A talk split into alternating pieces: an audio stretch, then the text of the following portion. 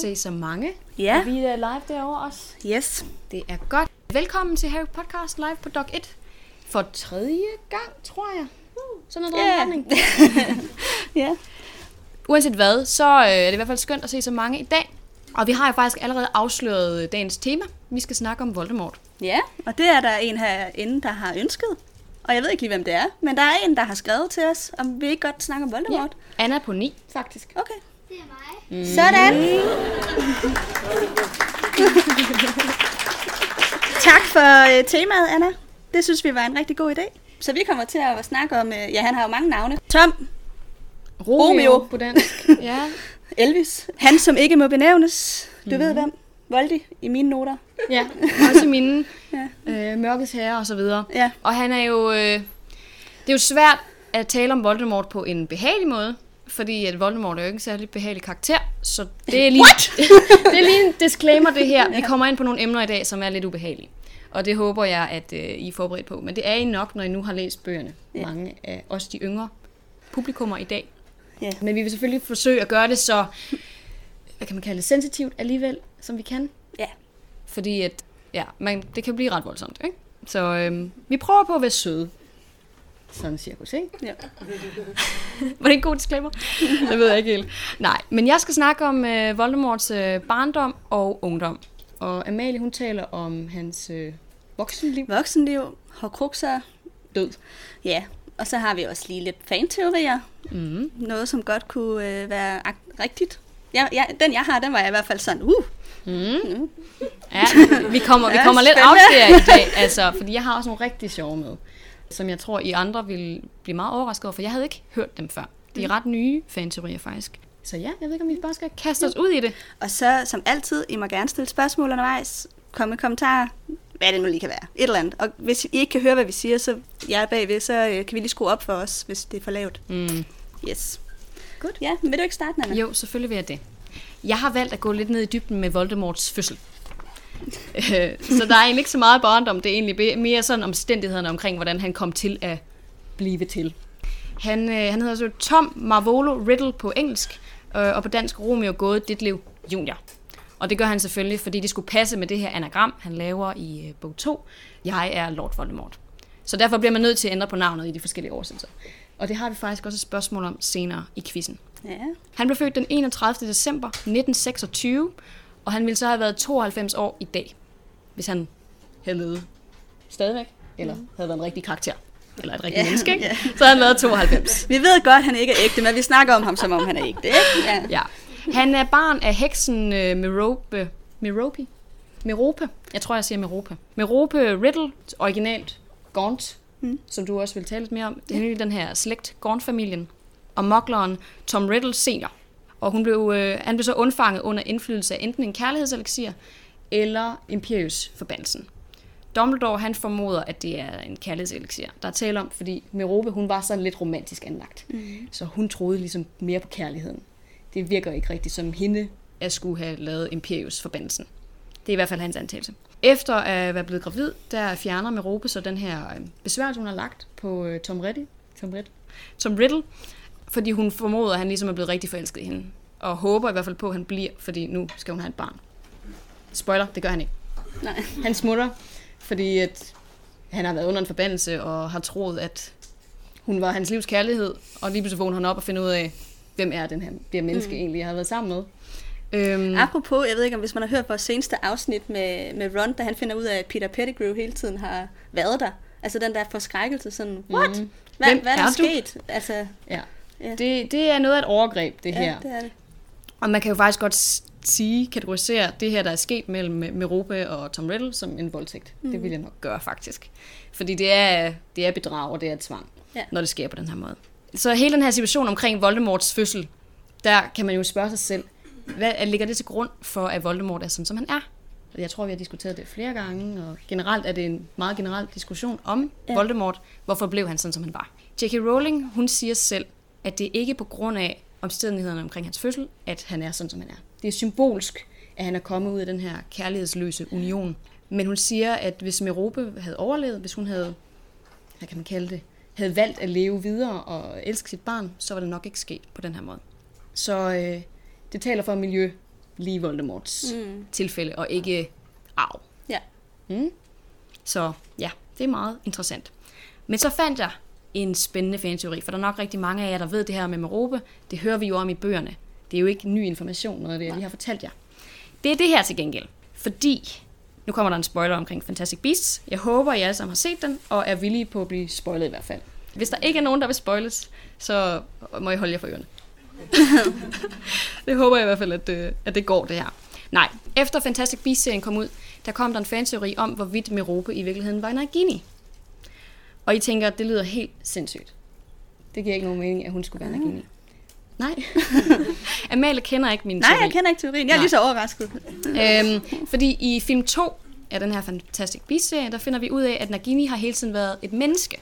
Hun er en kvinde, som lider af den her forbandelse, som gør hende til en slange på et tidspunkt i løbet af hendes liv. Det hedder en maledictus. Og i den første Fantastic Beasts-film, der ser vi sådan en plakat for det her Circus Arcanus. Hun er, hun er del af sådan en cirkus. Hun er sådan et, en cirkusartist, mm. som reklamerer for deres sidste show i New York i starten af december 1926. Og det er jo så kort tid inden Voldemort han blev født. Der siger de, vi har det sidste show her i New York, og så tager vi til Europa. Så Og hvilket år bliver Voldemort født? 1926, den 31. december. Ja, okay. Så de kan lige nå Ja, at være i New ja, York, og så ja. tilbage til Ja. Europa, Ja. så han lige kan nå at blive født. Vi møder ikke Nagini i den første film. Det Nej. gør vi først i den anden, og jeg ved faktisk ikke, hvornår den foregår, men det er noget tid efter. Mm. Så ja, det kan godt give mening. Så ved vi også, at Mrs. Cole, som er forstanderinde på det her børnehjem, hvor Voldemort vokser op, hun fortæller Albus Dumbledore, vi tænkte, hun faktisk godt kunne være, en, øh, være stukket af fra et cirkus eller sådan noget. Den siger hun, siger hun det? decideret til Voldemort. Okay. Jeg har altid antaget, at det var, fordi hun valgte sådan nogle mærkelige navne. Ja. Fordi hun siger det i forbindelse med, at hun ville have, at han skulle hedde Marvolo. Mm. Vi, vi overvejede, at hun måske var stukket af fra et cirkus. Og man sådan, nå, okay, ja, ja, men det kan godt være, at folk fra cirkus, de giver deres børn mærkelige navn, måske. Mm. Det har i hvert fald været min tanke. Men der begynder ligesom at være nogle ting her, der passer sammen. Så ifølge den her teori, der skulle Merope have været en del af det her cirkus, være, vendt, eller være- kommet tilbage til London, da hun, øhm, da hun ligesom skal til at føde, føder barnet på børnehjemmet, faker sin egen død, decideret, og så tager hun tilbage til cirkuset bagefter. Det skulle jo så være derfor, hun er tilbage i film 2 af den her Fantastic Beasts-serie. Okay, så mellem film 1 og film 2 vil hun så have født Voldemort? Ja, Okay. lige præcis. Og så have efterladt ham der. Ja. Det skulle så være fordi, at hun ikke ønskede at skade ham, når hun blev transformeret til slange. Ifølge okay. den her teori. Ja. Og ja, det kunne i hvert fald forklare lidt det her tætte bånd, som Voldemort og Nagini har senere. De kommunikerer sammen, altså han viser meget kærlighed til det hende i forhold til, hvad han gør til alle mulige andre i hvert fald. Hun virker faktisk som det eneste væsen, han har kærlighed til. Mm. Og det kunne måske også være en forklaring i forhold til, hvordan han bliver genfødt i film 4. Hvis slangen Ja. på en eller anden måde er med til at give ham liv igen. Ja. I don't know. Det er bare en, øh, en teori, men jeg synes, der er nogle steder, hvor det virker. Der er selvfølgelig også en masse, der ikke fungerer i forhold til den her teori. For eksempel alt det, Albus Dumbledore fortæller os om Emrobe. Altså sådan Ja. personlighedsmæssigt. Typen minder hun jo, altså der virker hun sådan en, der er meget øh, ked af det og ja. nedslået og øh, ikke har nogen selvtillid og sådan noget. Lige præcis. Ja. Fordi vi ser hende jo faktisk i et flashback, hvor hun er præcis sådan, som du beskriver. Ja. Og Dumbledore har også en masse antagelser om hende som ja. person. Så det virker ikke særlig oplagt, at hun skulle være sådan fejstig og tage ud med et cirkus, og så føde sit barn, og så efterlade det. Men altså, det er jo ikke til at sige. Så er der selvfølgelig også den oplagte ting, at skuespilleren i filmen er asiat, og det er Voldemort ikke. Det må jeg selvfølgelig Nå, ikke nej. tage, Nej, nej, nej. Ja. tage på den forkerte måde, men det giver sådan rent, øh, hvad vi ved om Voldemort, ikke rigtig mening. Men ja, jeg ved ikke, hvad tænker du? Og Den er lidt out Den er sådan lige, ja, jeg synes måske er lidt langt ude. Øhm, Og så alligevel. Ja, jamen, du argumenterer godt for den. øhm, det har jeg simpelthen ikke... Øh, jeg, jeg er svært ved lige at se det for mig, selvom jeg godt kan se argumenterne. Mm. Men det er på, på typen. Altså det er fordi, at de der flashbacks, vi får i bog 6, der virker Merope som en helt anden type, end Nagini virker. Mm. Men ja, det, det skal jo ikke kun være det, der afgår, afviser det, men... Nej, altså man kan sige, det vi ved om Europa, det ved vi fra Dumbledore. Og Dumbledore har ikke Ja, altid sandheden. rigtigt. Så det er også det, der kan være lidt svært at vurdere. Ikke? Altså, Jo. har, har vi fået det rigtige billede hele tiden Ja, af hende? Hun, hun kommer trods alt ud af Gaunt-familien. ja. Det er Slytherins slægt, det her, så det virker Ja. ikke helt out der. Plus, der har Du også... tror på den, kan jeg fornemme. Mm, Jeg ved ikke, om jeg tror på den, men jeg synes, der er nogle ting, der taler for. Ja, Det kan godt fungere. sådan i praksis. Skal vi ikke prøve, altså dem, der tror på den, kan klappe, og så bagefter dem, der ikke tror på den, kan klappe. Fordi okay. så dem, der tror på den først, klapper. Oh. Der var lidt, ja. Og dem, der ikke tror på den, klapper. Okay. Langt størstedelen køber den ikke. Publikum har talt, øh, den, den passer ikke. Nej, okay, fair nok. altså jeg må sige, øh, for mig der er det mest det der med, hvis hun lige pludselig skulle sige her i måske film 3 af Fantastic Beasts, Nagini er mor til Voldemort, så havde hun nok heller ikke sagt, at skuespilleren skulle være asiatisk. Nej. Altså jeg, jeg tænker, det er i hvert fald en fejl, som, som er sådan ret oplagt. Mm. At om man så laver fejl i forhold til årstal og andre ting, det, Ja. det kan man lade slide på en anden måde, men, øh, men det skal jo give Ja. mening sådan rent Men der er jo flere skuespillere, der også skifter hudfarve undervejs Sandt. og sådan nogle ting. Sandt. Så det, Det er set før. ja. ja. Det jeg set før. Ej, men det er fair nok. Jeg, jeg, jeg ved heller ikke helt selv, hvad jeg synes. Den er sådan lidt uh, out there, men, men jeg, der er Men vi har fået et at vide, at J.K. Rowling har sagt, at der kommer til at ske noget stort i de her Fantastic Beast-film. Altså, der vil komme være, mm. være nogle afsløringer, som man ikke havde set komme. Så det, man skal ikke afvise det helt. Også i forhold til Voldemort, eller bare sådan i forhold til Dumbledore, Ja. Grindelwald? Universet, tror jeg. Alright. Ja. Men det, altså, det er jo sjovt, fordi Voldemort, han bliver jo født lige omkring første film. Og han, hans skolegang er også under den her troldmandskrig og gælder Grindelwalds opstigning og fald igen. Så det er oplagt, at der også, han skal blive involveret på en eller anden måde. Mm. Det er det. Mm. Vi kunne nok godt have set ham på skolen måske, der i film 2, hvor vi er inde på sådan et lynvisit. Måske. Ja. Jeg ved det ikke helt. Han, han er i hvert fald levende på, på det, det tidspunkt, tidspunkt, ja. hvor det sker. Det burde McGonagall så ikke være, men det er hun Nej. alligevel. Det er, så Det er en anden en anden ting. snak. Ja. Okay, men det var, øh, det var den lille ting, jeg havde Ja. om hans barndom. Fordi vi kender jo alle sammen til det her med børnehjemmet, og han torturerer nogle børn og nogle Ja. dyr og sådan noget. Og, og det, er, det er også interessant at snakke om, men det er sjovere at snakke om de ting, som Man ikke lige ved, ja. Lige præcis. Ja. Så har jeg taget lidt fat i hans skolegang. Fordi Voldemort, han går jo på øh, Hogwarts fra 1938 til 1945. Og han bliver så placeret på Slytherin. Ikke særlig overraskende. Det, det er ret oplagt. I løbet af sin skolegang, der bruger han rigtig meget tid på at undersøge sin slægt, fordi han er overbevist om, han er noget særligt, og han må komme ud af noget særligt. Han leder efter sin far, Tom Riddle, i de her optegnelser, og han står der ingen steder. Mm. Og det tager ham lang tid at anerkende, okay, det må simpelthen være, fordi det er min mors side. Fordi han havde ligesom fortalt sig selv, en heks, hun vil ikke bare være død. Mm. Endnu en pointe for, hvorfor Merope, hun er Ja. ja. øhm, Nej. Men han bruger lang tid på at finde ud af det, og til sidst så opdager han, at han, øh, hans slægt hedder faktisk Gorn-familien. Og er direkte, øh, hvad kalder man det, descendants, Efterkommer. efterkommer af Salazar Slytherin. Og mm. altså, han kunne så decideret være aftager af Slytherin. Med den her nye viden, der øh, får han åbnet hemmelighedens kammer, fordi han er jo også slangevisker, og kommer så ned og får tæmmet basilisken. Og så kommer den næste fanteori, fordi alt det her, det ved I jo også godt. Men hvad I ikke ved, er, at øh, Voldemort måske faktisk ikke er Tom Riddle. Ja. Nå. Ja. det, der, der går den her teori om, at han måske faktisk er, øhm, er både Tom Riddle og Salazar Slytherin. Fordi måske Salazar Slytherin havde efterladt en Horcrux inde i basilisken. Okay. Mm. Så Voldemort er Salazar Slytherin, der genopstår? Okay. potentielt i hvert fald. Altså, vi ved, det kan godt lade sig gøre. Voldemort, han gør det selv. Han besætter Quirrell, han besætter Harry, han besætter Ginny faktisk også. Og man kan godt, man kan godt have to sjæle i den samme krop. Man kan godt have to sjæle i den samme krop, uden at der kommer sådan skade på den. Mm. Så det kan godt lade sig gøre. De har en del sådan karaktertræk til fælles. Begge to det her med renhed af blod. Nogle ret onde typer, sådan generelt. Meget storladende i det. Så det kan godt lade sig gøre. Sådan rent øh, Teknisk. teknisk, mm. ja. Det virker Ja, den tror jeg ikke på. Den tror du heller Nej, ikke på? tror jeg ikke på. Nej, jeg synes altså også, den var, den, der var nogle gode ting, der sådan fungerer ret godt i forhold til den. Altså det eneste, der ikke dur, det er det her med, De ligner ikke hinanden. det gør de faktisk. Synes du? Men det er fordi, du tænker på Tom Riddle og ikke på Voldemort. Hvis du ser et billede af Tom Riddle og et billede af Salazar Slytherin, så ligner de hinanden. De er begge to skældet. Ser ret onde ud. Tom, altså, Salazar Slytherin har godt nok et skæg. Ja, jeg skulle lige så sige, at han har sådan en lang skæg. ja, ja, men Ja. ja. altså, de ligner faktisk hinanden overraskende meget. Ja. Nej. Men der er det her med Horcruxer, fordi Tom Ja. Riddle, han spørger professor Snobbe om, hvordan laver man Horcrux? Og det burde han have vidst, Ja. hvis han var Hvis blevet han var- besat. Mm. Fordi det skulle jo være det, der havde gjort, at Salazar Slytherin havde indtaget hans krop, ikke? Så altså, jeg synes alligevel, der er et eller andet ved det. Fordi jo jo, det kan godt være, at Voldemort han havde nogle, nogle ubehagelige tendenser, inden han gik på skolen, men det kan være, at det her det har eskaleret det. At han på en eller anden måde er kommet i øh, forbindelse med Salazar Slytherins sjæl. Mm. Det var svært at sige. Salazar Slytherins sjæl. Ja, der er meget... Ja. ja.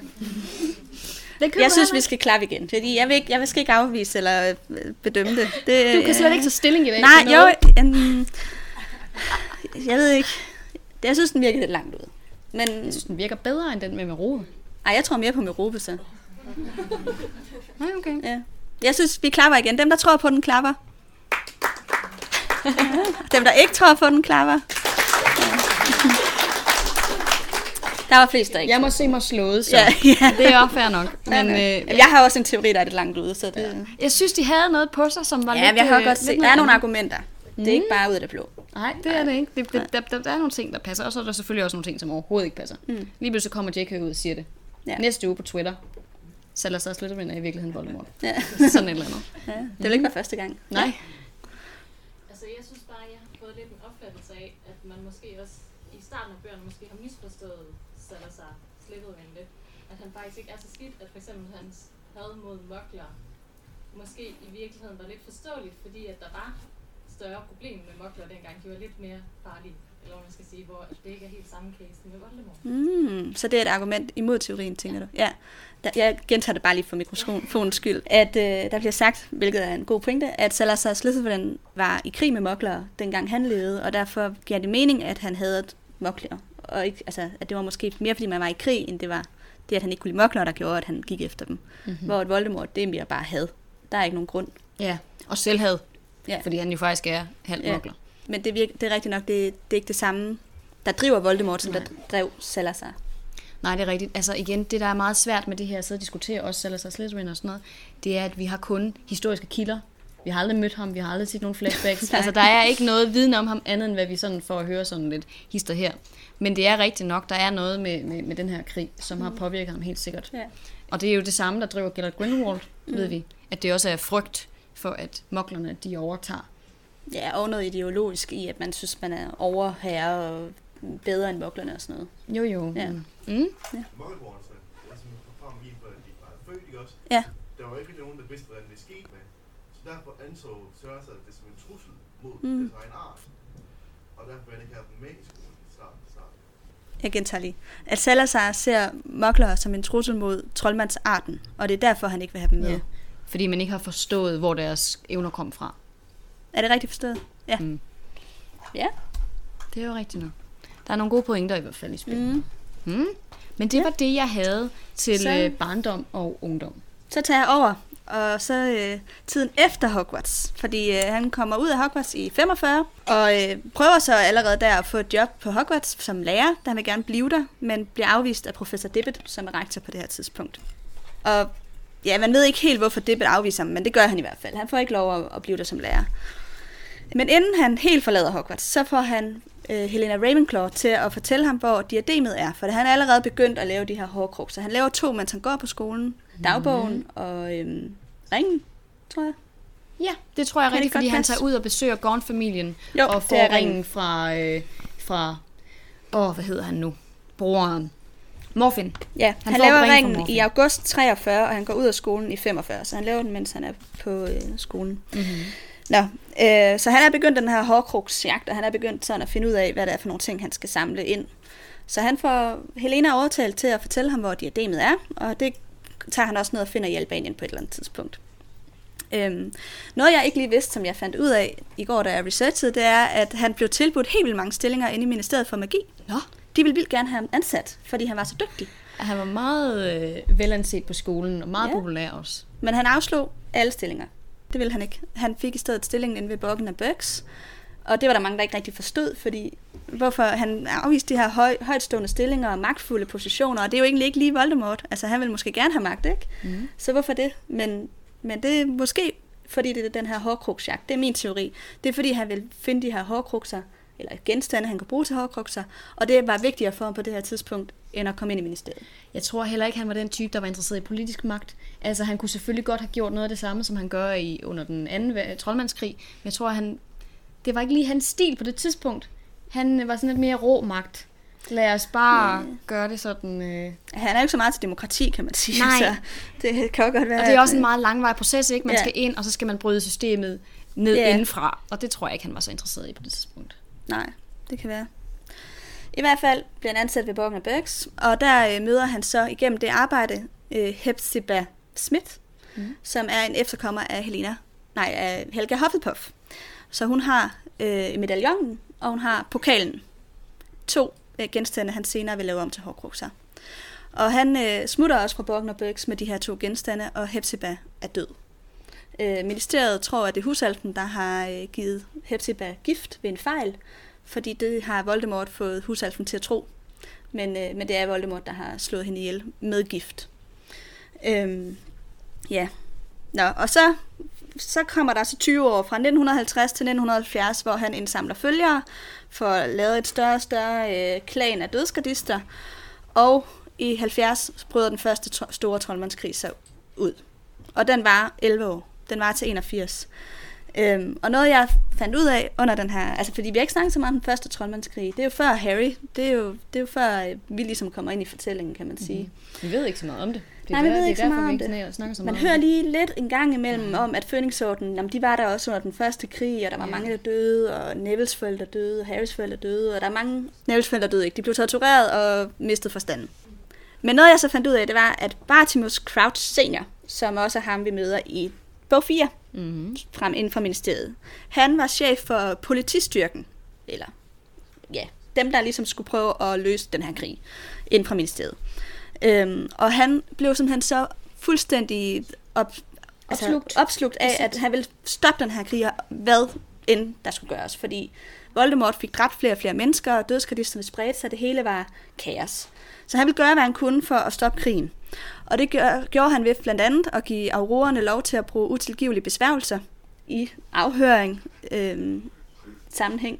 Mm. Øhm, med andre ord, de kunne- fik lov til bare at torturere, uden rettergang, uden, altså der var ikke noget med at lige have en dommer ind over eller noget. Nej. Og man har efterfølgende fundet ud af, at rigtig mange uskyldige blev fanget af aurorerne og tortureret mm-hmm. for at få oplysninger frem. Øhm, der var også rigtig mange, der blev sendt i Azkaban, fordi man troede, de havde en relation til Voldemort, Mm. hvor man så efterfølgende fandt ud af, at det havde de faktisk ikke. Øhm, så det gik ud over ret mange uskyldige, det her. Det lyder meget klassisk. Ja, men det fik mig bare sådan til at tænke på, øh, på Guantanamo i USA, ikke? hvor man også har et- det her fængsel, og der er, foregår også tortur og ting og sager uden en rigtig ret, rettergang. Men man ved ikke, om det er uskyldige eller skyldige. Mm. Og også selvom det er skyldige, er det så i orden at torturere, ikke? Det kan man så også diskutere. Men det er bare sådan... Ja, jeg kom bare til at tænke på, da jeg læste det, altså hvad, hvad for nogle magtværktøjer er, er vi villige til at tage i brug for at løse en krig? Ja. Er krigen en særlig omstændighed, der gør, at man godtager nogle ting, man ikke nødvendigvis ville gøre normalt? Eller, altså, forstår jeg, hvad jeg mener? Opløser krig vores moralske kodex, eller, eller bør vi have et moralsk kodex, uanset om der er krig eller ej? Og hvor mange uskyldige skal vi ofre Mm. for at redde nogle det er andre? utrolig svært at spørge. Ja, altså, ja, så at hvad siger du? altså, hvad jeg, jamen, jeg, jeg tror, det er det der med, at du står i en situation, hvor du kan mærke, du kan se tydeligt, at du vil tabe den her krig, mm. fordi du bruger netop moral.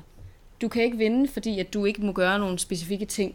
Du må ikke, øh, ja, for eksempel torturere folk for at få oplysninger. Og det koster dig måske sejren. Så jeg tror, nogle gange det er det, det handler om. Det er en afvejning af, hvad skal der til, for at vi, kan, vi ikke står som dem, der taber i sidste mm. ende.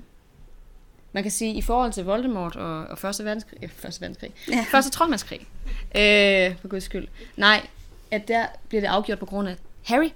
Hvis det ikke var sket med Harry, kunne det sagtens tænkes, at Voldemort var fortsat, og faktisk havde vundet allerede i første omgang. Det havde han sandsynligvis. Mm. Så det kan godt være, at det havde været en nødvendighed at gøre de her ting, for at kunne finde frem til dem, der i sidste ende kunne lykkes med det her. Forstår du, hvad, Ja, jeg hvad forstår mener? godt, hvad du mener. Jeg, jeg er bare stadigvæk kritisk over for det der med, at altså, hvad er et menneskeliv værd? Er det i orden at ofre en uskyldig for at redde mange? Det er der måske nogen, der vil sige, men hvad så, hvis man siger, at det er halvdelen, vi skal redde for at redde den anden halvdel? Eller red- Ja. dræbe for at redde den anden halvdel? Altså, hvor er grænsen? Det synes jeg er svært. Det er det også. Ja. Ja. Hvad siger du? Jeg tænker, om det handler meget om, vil man hellere straffe en for meget, eller straffe en for lidt, hvis man sammenligner USA og Danmark.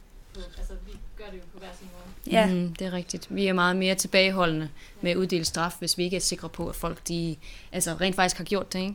Det er jo det er et kæmpe problem. ja altså i I, Danmark, be, der, I begge lande. der skal man jo bevise, at man er skyldig, og i USA skal man bevise, at man er uskyldig. Så det, det er nemlig rigtigt. Det er to helt forskellige tilgange til, ja. Til det her. det er rigtigt. Men det er jo det her med i krig, der, der sker der det, at alle regler de bliver opløst. Jamen gør de det? Eller bør de det?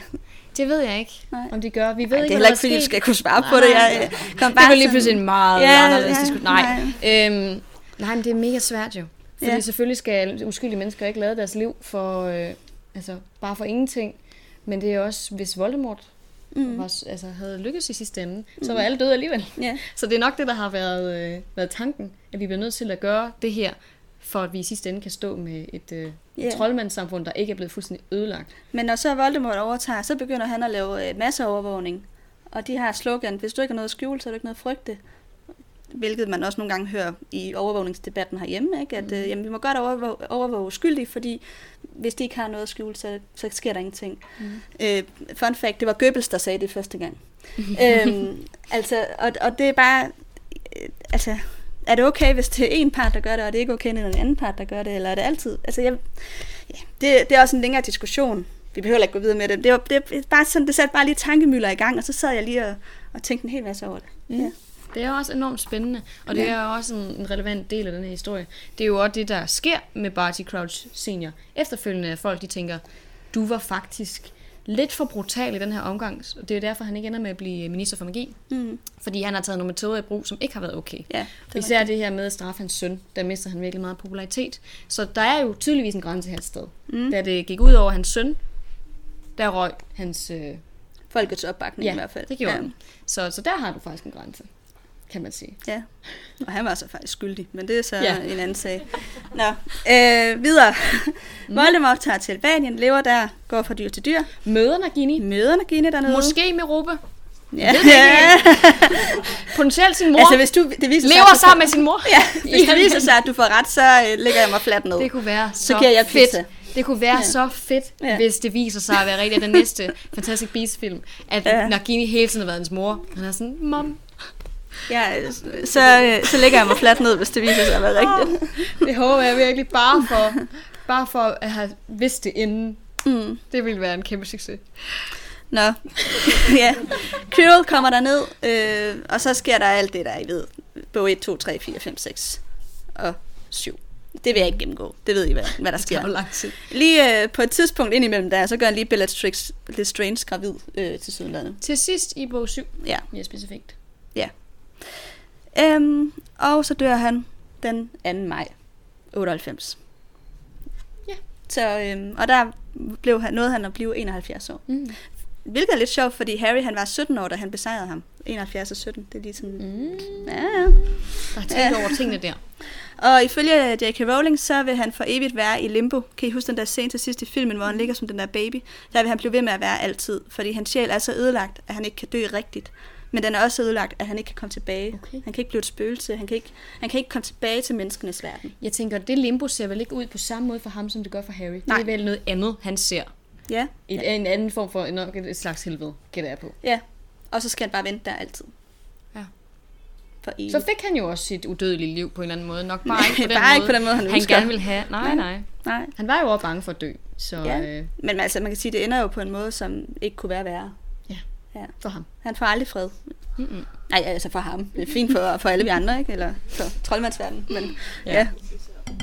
ja. Øhm, og så kom jeg også til at tænke på, at jeg synes egentlig, det er lidt ironisk, at Voldemort, at det var vigtigt for ham, altså sådan gennem hele hans liv, at han var noget særligt, og han var, han, var, øh, han, han ville adskille sig fra alle andre mennesker. Han ville ikke vise menneskelige følelser, fordi at, at, at han var ud over det at være et almindeligt menneske på en eller anden måde. Han ville, han ville skubbe grænserne for, hvad et menneske kan.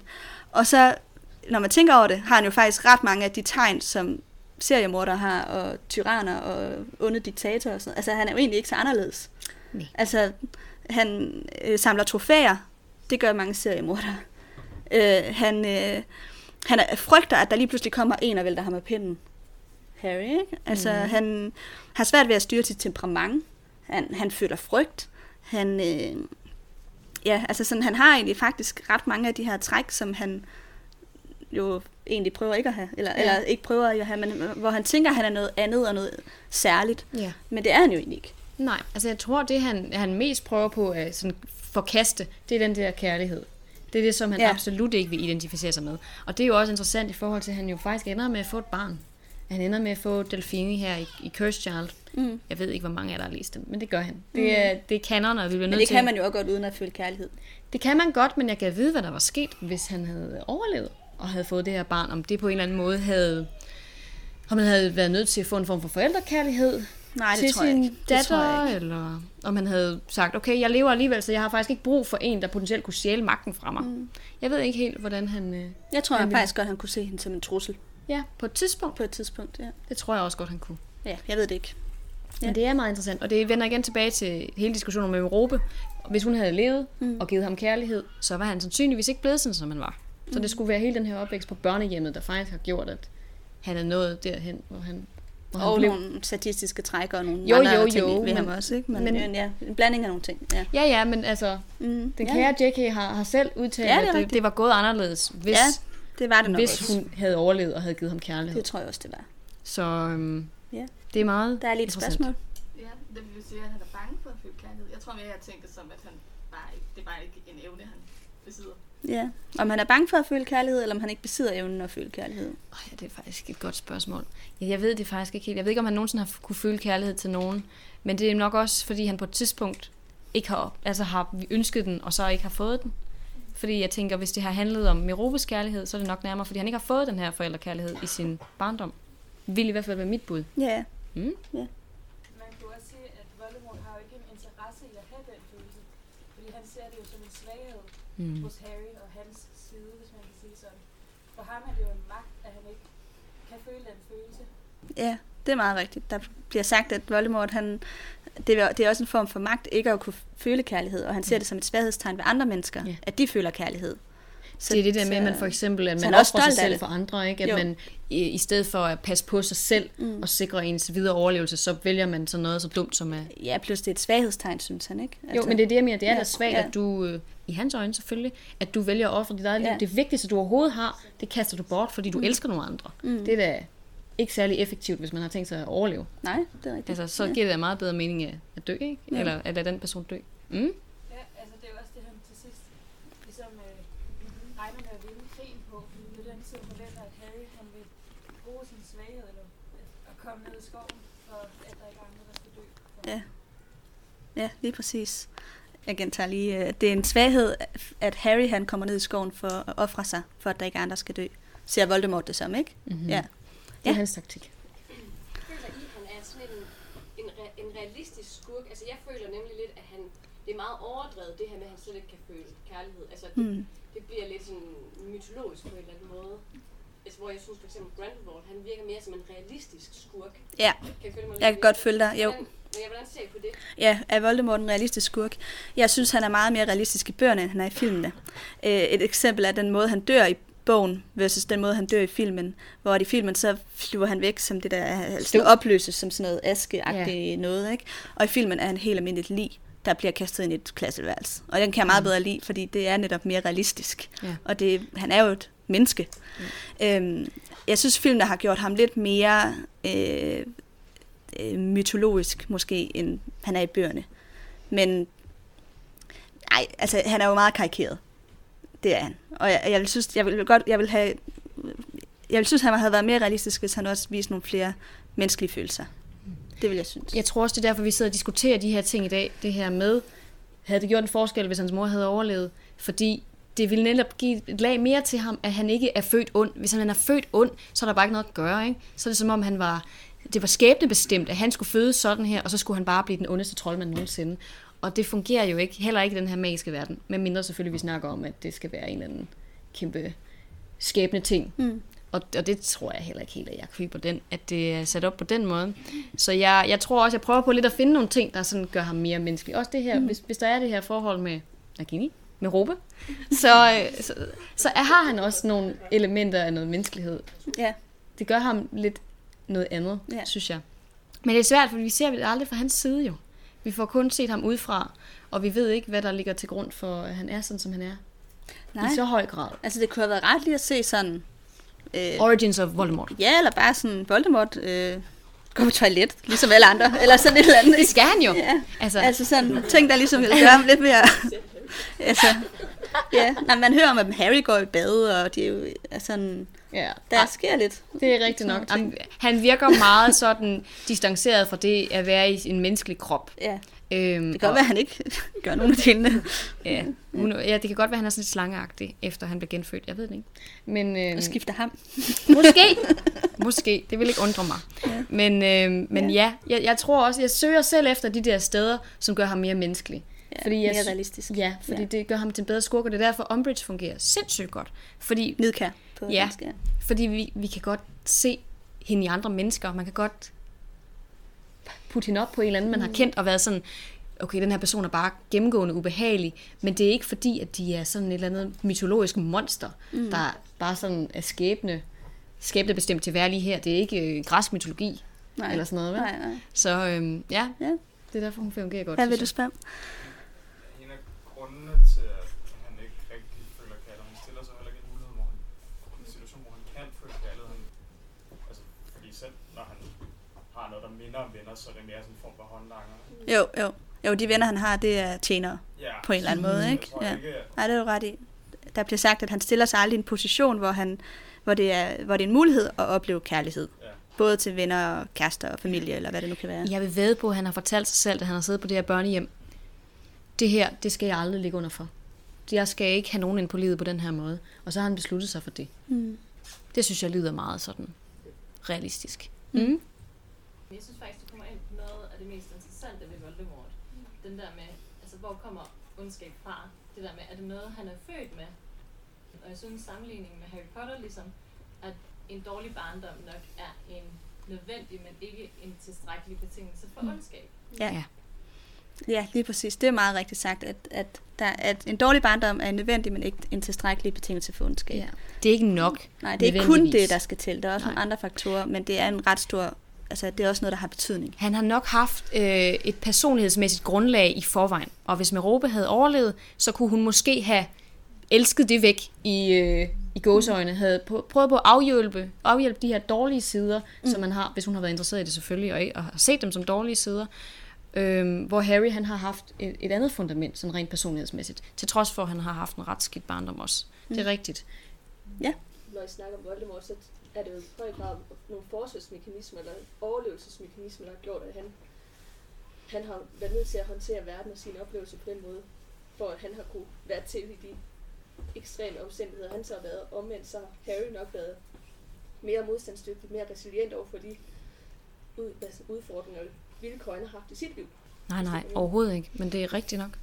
Jeg skal lige, at, øh, kan du ikke lige gentage? Åh, oh, jeg vil prøve, jeg vil prøve at, øh, at de sådan har, grundlæggende har været forskellige, og Harry har været mere resilient, end Voldemort har været sådan rent øh, sådan mere modstandsdygtig i deres forsvarsmekanismer. Ja. Ja, Er det sådan okay? Okay, det er godt. Det er svært at, skulle redegøre for folks øh, øh, gode svar. Ja, Men, øh, I men, siger det bedre, end vi gør, synes jeg. ja. Ej, men, men der, der er et eller andet der. Jeg synes, at det gør ham mere menneskelig at sidde og få, få sat ham på det her plan, at han bare har været en anden, et lille barn, som ikke har kunne, kunne håndtere det at være på et børnehjem. Og J.K. Rowling har selv været ude at sige, at være på et børnehjem, det er noget af det mest modbydelige overhovedet. Det er ikke et rart sted for et barn at vokse op. Har hun været der? Det ved jeg ikke, men det har hun sagt. Okay. Jeg ved ikke, om hun har været på et børnehjem. Nej, okay. Men det har hun sagt i forbindelse med hele Voldemorts opvækst, at, at det er bare ikke et, et sted, et barn skal vokse op. Okay. Og jeg, jeg ved ikke, om hun synes, at familien Dursley er meget bedre. Men øh, Mm. potentielt lyder det en lille smule bedre at vokse op der, end det gør at vokse op på et børnehjem. Det kommer nok an på, hvad det er for et børnehjem. Nå, jeg tror, Voldemort har været ret uheldig. Det har han nok. Ja. Det har han nok. Ja. Det er også J.K. Rowlings ord, ikke mine. Jeg Nej, ved nej, ikke nej, noget om at Nej, op på hun, et nej, hun er ikke bange for at sige tingene, som Nej. hun synes. Hun har også været ude at sige, at hun synes, Voldemort han var bedre end, end, end Donald Trump. Det ved jeg ikke, om jeg er enig i. Der går alligevel en grænse. Ja, der vil jeg også sige, den, er, den, den tænker jeg måske heller ikke, men øh, altså, hun kan godt lide at sætte tingene lidt på spidsen, ikke? Ja. Det er fordi, der har været sådan nogle artikler, der har kørt i USA, og- så hun skulle kommentere på det, så var hun sådan, uh, Voldemort was not near as bad as, as uh, Donald Trump. Ja, det er sat den på spidsen. Nu bliver vi lige nødt til at finde ud af, hvem der var først her. Fordi det, det jeg ved Okay. det. Er bare et fun fact. Fun fact, ja. Øh, Jeg følger øh, Rowling på Twitter. Ja. Og hun um, hun reklamerer, eller hvad hedder det, hun adverterer rigtig meget for, at børn, der er forældreløse, de skal, eller, de skal ikke på børnehjem, mm. de skal være hos anden familie. Mm. Ja, så hun vil Okay. hellere have, at folk kommer i plejefamilier end på børnehjem. Som familien Dursley. Ja, forhåbentlig bedre plejefamilier. Ja, altså... Ja. At, at Ja. børn Ja, er placeret hos deres nærmeste familie. Mm. ja, at det er alt andet lige Hvis bedre. forældre, onkler, tanter, Ja. ja. mostre. Okay. Okay. Det er Ja, ret det- interessant. Ja, det er det. Det er det. Så hun har faktisk en klar præference her. Ja, det er ja. Mm. ja. Det er godt at vide. Jeg tror, at allerbærst dig. Øh, det var med i forhold til det her børnehjem, fordi jeg synes, altså, jeg ved på, at vil godt ikke kan lide det alt det der, men når jeg tænker på de ting, vi hører om Voldemorts opvækst på det her børnehjem, synes jeg ikke, børnehjemmet virker så skrækkeligt. Altså sådan, de er ude på den her tur, hvor han gør nogle dumme ting, eller Mm. han mobber de andre børn, han stjæler fra de andre børn. Jeg synes ikke, det er som sådan, at det der børnehjem, der egentlig Mm. synes jeg er interessant i forhold til, hvor slemt er et børnehjem egentlig også, Ja. når vi sådan kigger på vores egen diskussion omkring plejefamilier versus Ja, institutioner. Det er Ja. rigtigt nok. Altså, jeg tror, at, øh, at det, der er slemt ved at være på det her specifikke børnehjem, det er simpelthen den der manglende forældrekærlighed. Jeg tror faktisk mere, det er det, det handler om. Det er ikke fordi omstændighederne, selve de fysiske rammer er forfærdelige, eller fordi det er forfærdeligt, altså de andre børn, at de er helvede at være sammen med. Jeg tror, det er fordi, at der er ikke en forældrefigur, som man kan støtte sig op af på den måde, som du ellers ville gøre. Det ville i hvert fald være min umiddelbare tanke omkring det her. Oh, det, bliver ved med at være... det er dejligt at stille spørgsmål. Vil det være okay, hvis vi går lidt videre, og så kan vi, lige, så kan vi tage dem øh, til sidst? Det, øh, det er fordi, der er så mange ting, vi gerne vil sige. men, fordi vi vil gerne høre det, men øh, så kan vi tage dem, når vi lige tager lytterspørgsmål til sidst, eller ulepost, som det hedder. Ja, Ja. Er det, er det okay?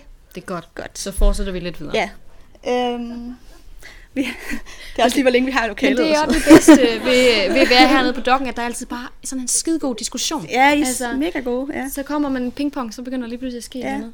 Helt vildt spændende. Men øh, det er fordi, jeg vil også lige nå at runde øh, hans øh, forfædre, som er den her Gaunt-familie. Mm-hmm. øh, som du også fik sagt, de har slægt spor til Salazar Slytherin. Ja. Og Gaunt-familien er kendt for indavl. Øh, Ja, ja. Det er jeg lige så lige... godt sige det, som det er. Hvorfor Merope også fungerer i forhold til den her forbandelse. Siger det bare. Ja. Fair nok. Øhm, Jeg Men- advokerer meget ja, kraftigt. jeg kan godt fornemme det. det jeg, ja. 10 point for effort. Det, Tak. Ja. Vi skal have sådan en scoreboard her. Ja. Men øh, jeg vil lige dykke ned i sådan lige nogle af de kendte fra den her familie. Der er øh, Corvinius Gaunt, som var ham, der øh, lavede indgang til hemmelighedernes kammer øh, på pigernes toilet. Altså da man lavede det der, da der kom rørledninger og sådan noget. Ja. Øhm, og så er der Ryanak Gaunt, som senere kom til at hedde Sayer, Sayer, Sager. Sayer øhm, som er mor til Isolt Sayer, som nogen måske ved, hvem er. Det var grundlæggeren af Ilvermorny, skolen i USA. Mm-hmm. Og øhm, Isolt fik to adoptivbørn og et sæt biologiske tvillinger. To piger, de biologiske tvillinger. Og de kom til at hedde øh, Rionak Stewart, fordi hun giftede sig med en, der hed Stewart til efternavn. Og Martha Stewart. Martha Stewart, den anden faktisk. Ja. Uh, den anden. Øhm, og Rionak, som jo så er datteren af Isolt, valgte aldrig at gifte sig eller få børn, fordi hun ville ikke videreføre den her slægt. Hun var øh, meget, meget pinlig over, at hun kunne slangesprog, og at hun stammede fra Salazar Slytherin. Det ville hun ikke, det ville hun ikke fortsætte den blodslinje, eller hvad man skal sige. Mhm. Mm-hmm. Så hun valgte simpelthen at, at Stop den der. prøve, at det i hvert fald ikke skulle gå videre gennem hende. Ja. Øh, apropos det, der er også, øh, der har ligget en dokumentar på et tidspunkt på DR, hvor efterkommere af nogle af Hitlers følgere øh, siger det samme. Mm. Mm. Øh, altså Himmlers barnebarn for eksempel, der siger, at også sådan noget lignende, at, at nu vil de, de tror, at, eller ja. de vil stoppe det her, ikke? Det her, det skal ikke føres videre. Ja, det kan man jo så også diskutere, fordi de kan jo ikke gøre for, hvem de er født af. Altså, og, og man er jo ikke nødvendigvis Nej. ond, fordi ens mor eller far er ond, eller bedsteforældre er onde. Nej, det går ikke i arv på den måde. det gør det jo ikke, så, men det var i hvert fald sådan, hun havde det. Og så var der Martha, som øh, blev gift med en mokler. Hun kunne ikke øh, udføre magi. Hun var... Øh, Hun er en fuser. Hun er en fuser. Ja, Det hedder det. ja. Øh, og hun kunne ikke udføre magi. Øh, så hun giftede sig, ja, det hedder så en no march derovre. Ja, Øhm, og det er uvist, om de fik børn. Det er der nogen, der tror, de måske Så gjorde. potentielt så lever der øh, små Voldemorter videre over i, øh, i USA. Der, ja, og nu kommer vi nemlig til min teori, fordi vi ved ikke, om hun fik børn. Men Mm. Der er nogen, der tror, hun fik børn. Og derigennem faktisk videregav Slytherin arven. Og det kunne måske føre til en direkte linje til Dumbledore. Oh. Fordi, og her er argumentet. Der er et argument, som er, er det, jeg synes er øh, sådan, ja. Uh, Harry, han, når til, han ser et billede på et tidspunkt af Dumbledores mor, som hedder Kendra, og hun ligner en, uh, han beskriver hende som en Native American uh, indianer. Ja. Hun, hun, han siger, siger hun det. ligner en indianer, som kommer fra USA. Og Dumbledore kan forstå slangesprog. Han kan ikke tale det, men han kan forstå det. Og det er meget usandsynligt, hvis man ikke har en eller anden form for relation til Salazar Slytherin. Man kan jo godt imitere det. Man det kan imitere vi. det, men, ja, men Ron imiterer det, men han forstår det jo Nej, ikke. det er rigtigt. Dumbledore forstår det. Er det noget, vi får at vide i bøgerne? Er det? Ja, der var de tilbage i minderne, der kan han forstå, hvad der bliver sagt. Aha. Nå ja, det er da rigtigt. Ja. Det er rigtigt. Så det er øh, ligesom øh, hovedargumenterne Mm. mm. for, at øh, Dumbledore måske faktisk langt ude i familie med Voldemort. Men interessant, at hans mor så skulle være taget fra USA, eller noget af hendes tidligere familie selvfølgelig skulle være emigreret fra USA, tilbage til Storbritannien. Og det tænker jeg jo lidt, at øh, måske godt kunne være noget, vi fik afsløret i de her Fantastic Beast-film, Ja. som foregår i USA. Jeg ved godt, at altså, der er Dumbledore i live og sådan noget, men det kunne jo godt være på et tidspunkt, at han møder nogle forfædre, altså bedsteforældre ja. derovre. Eller Ja, andet. eller vi får noget at vide om hans familiehistorie på en eller anden Ja, måde. lige præcis. Men det er da rigtigt. Altså, det, det er ret interessant. Vi ved jo, at Voldemort, han er i øh, familie med Harry langt ude. De er jo faktisk alle Ja. sammen i familie Ja, det er de jo langt alle sammen på en eller anden måde. Altså, ja. øh, nogle er tættere på hinanden, ligesom Sirius og Bellatrix, som jo faktisk er fætter og kusine, og nogle er sådan ret langt ud. Men de går jo alle sammen op til de samme troldmandsslægter i bund og grund, Mm. egentlig. Ja. Jeg ved ikke, ja, sådan en som Hermione Granger gør ikke, men alle de der andre, de, de har sådan nogle relationer med hinanden langt ude. Ja, det har jeg nemlig. Så øh, det er Men mega øh, interessant. det er den fanteori, der lige er, at, øh, at det er hende, der er Martha Stewart. Fordi man ved ikke, om hun har fik børn eller ej. Det har man ikke Nej. kunne finde ud af. Altså man kan jo sige, det, er jo, der, er jo- det, minder jo faktisk ret meget om Voldemorts egen historie. Det her med hans mor, der er næsten på randen til at være en fuser. Hun kan i hvert fald ikke særlig meget magi. Hun får aldrig nogen sådan decideret skoling i det, som finder sig en mokler.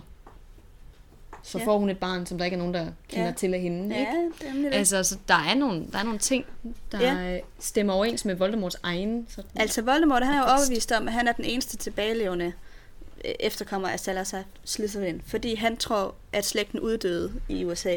Mm. Han har lavet sin research, og han, han har kunne finde frem til, at det kun er dem, der er tilbage i Europa, som er hans familie, Ja. som har overlevet, eller igen, stadigvæk er her. Ja. Ja, hvor at, men det er jo så ikke sikkert, det er rigtigt, hvis Martha fik børn. Ja. Så, Køber du den? ja. Ja. det kunne være ret fedt, hvis der... Altså, det er jo en oplagt skurk lige pludselig at få sådan en ny Voldemort, der går op, eller hvad sådan... I troede, at, øh, at alting, det var... Altså, nu har Dumbledore jo ikke fået børn, kan man sige. Altså, teorien går på, at Dumbledore Nå ja, er er efterkommer af Martha Stewart. Det er selvfølgelig rigtigt, men jeg tænkte, hvis han kunne være efterkommer af hende, kunne der også være andre, der var det. Ja, ja. Aberforth. Nå ja, men han har heller ikke fået børn. Hvad vi ved af. Nej, det er rigtigt. Det er korrekt. Nej, men altså, Noget, ved man, om hun, øh, deres søster nåede for børn? hun var jo meget, meget Hun var lille. meget ung, ja. ja. Ja, og der er nogen, der Det er har... ikke nødvendigvis en der er- hindring i det nej, her nej, univers. Nej, nej, nej. Der er, det er jo det, og nu begynder vi jo at komme ind på, skulle, skulle Liana, skulle hun være mor til, åh, oh, hvad hedder han nu? Ham med det der ballcut i uh, Fantastic Beasts-serien. Ham, som de siger... Hvem er Liana? Credence, ja, Nå. lige præcis. Hedder hun ikke Liana Dumbledores... Øh... Ariana. Nå. Liana, det er hende fra Game of Thrones. Jamen, jeg synes, det lød også en lille smule forkert, ja. men jeg, jeg gik bare med den. Nej, Ariana, det er rigtigt. Jamen, det var meget overbevist. Jeg tænkte, det var mig, der ikke vidste, hvem det var. Nej, men med Credence, ja. Om Credence skulle være søn af hende, hvis hun potentielt skulle være blevet udsat for en voldtægt af en eller anden art, da hun var barn. Ja. Øh, ja. Så der er jo en Der anden er nogle diskussion spørgsmål der. der, ja. Altså, Øh, vi har diskuteret den før i forhold til Credence. Om det kunne lade sig gøre. Det burde ikke kunne lade sig gøre, Nej, mener jeg, vi kom frem til. Men Nej rent tidsmæssigt. Ja, Ja. det fungerede ikke så godt i forhold til sådan en tid. Ja. Men det får vi jo se, når det næste Fantastic Beasts-film kommer ud, om, der, om hun potentielt kunne være mor til nogen. Og så ville Credence jo mm. måske have videreført den her slægt. Men det kan være, at vi lige skal få den afklaret her igen. Sådan, hvem tror på, at Dumbledore nedstammer fra Martha Stewart, og derfor er i familie med Voldemort? Ja. Mm. Og hvem tror ikke på det? Nå, der var faktisk øh, en del, der troede på det. Ja, jeg er ikke helt med på det. Nej, det er okay. Jamen, de var gode. Fremtiden vil vise. Vi fandt nogle spændende nogen i dag, synes jeg. Nogle spændende Hvis vi selv skal sige det. Hvis vi selv skal. Am, am, nogle gange så er man sådan, ja, yeah, det har vi godt hørt før. Og, men øh, men der var, der var faktisk ikke nogen af dem her, som jeg kendte i forvejen. Nå, jeg har lige lavet en lille bitte oversigt. Vi ved godt, hvad for nogle horcruxer han har lavet, Voldemort og sådan noget. Men noget, vi før har snakket om, og som også er noget, jeg ved optager mange lyttere, det er i hvert fald noget, vi tit får besked om, det er, hvordan man laver de her horcruxer. Det er også noget, vi har snakket om før. Diskuteret meget længe. Jeg tror, vi har snakket om det i tre afsnit, Ja, hvordan det, det, lige det er i hvert fald noget. Men nu har jeg, jeg har prøvet lige sådan at lave sådan min eget lille øh, detektivarbejde. Og så fandt jeg ud af, hvordan at de alle sammen er blevet lavet, de her horcruxer. Og der er både blevet lavet øh, en ved at dræbe hulken af Hulda, ved at bruge af basilisken. Det var den første, ikke? Det var dagbogen. Så ringen lavet ved, at øh, Voldemort myrdede Tom Riddle senior. Så det må jo have været hans far. Ja. Øh, ved brug af tryllestav. Så er der medaljongen, som er blevet lavet ved, at han har myrdet en mokkelvagabund. Øh, og ifølge Dumbledore, så har Voldemort kun dræbt folk til hårdkrukserne, som har betydet noget for ham. Udover den der mokkelvagabond. Jamen det er jo så det, enten så har mokkelvagabunden betydet noget for ham i hans, løbet af hans liv, eller så har Dumbledore taget fejl. Jeg tror ikke, en eller anden random mokkelvagabond har betydet særlig meget for ham. Nej. Det lyder meget unlikely. Jeg ved faktisk, øh, apropos vagabunder og hjemløse og sådan, øh, vi skal huske den der grotte, som vi ser i bog 6, hvor han har fyldt søen med, med lig, de her Inferi. inferi. inferi. Derfor vil jeg vide, at han øh, har været ude og finde hjemløse og vagabunder, som han så har slået ihjel og smidt i søen. Nej, er det rigtigt? Med vilje, med den eneste pointe Ej, at få dem smidt i søen, så han kunne bruge dem som vagter. Det og så troldmænd, som er forsvundet.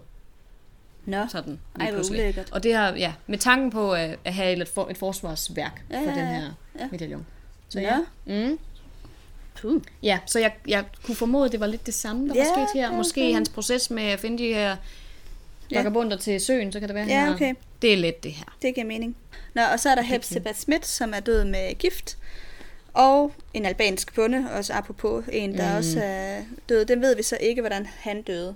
Og så er der Harry, som jo, han jo sig selv har lavet.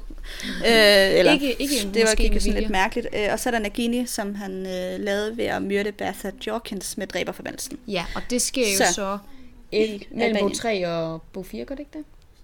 Det sker i sommeren 94. Ja. Ja. Så i starten Jo, det sker i sommeren, ja.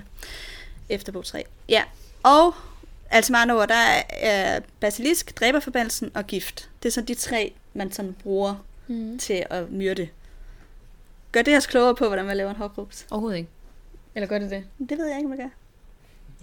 Altså, J.K. Rowling siger jo, at det involverer en forbandelse og en forfærdelig handling.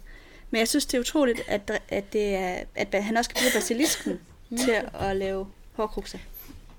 Kan man bruge basilisken til at lave hårkrukser? Han har brugt basilisken til at dræbe Hulken og Hulda. Det er som rigtigt, så blev ja. brugt til at lave en Ja. ja. hårdkruks. Jamen, jeg tror, det har noget at gøre med intentionen, hvem det er, der beslutter sig for. At fordi der- det er ham, der gav ordren. Ja, Ja. det tror jeg. For eksempel det der, det sker jo også med Hoki, øh, Ja. ja. husalfen. Det er jo faktisk hende, der forgifter Hepzibah Smith, og ikke Voldemort selv, men han kan stadigvæk bruge mordet Ja. til at lave en horcrux.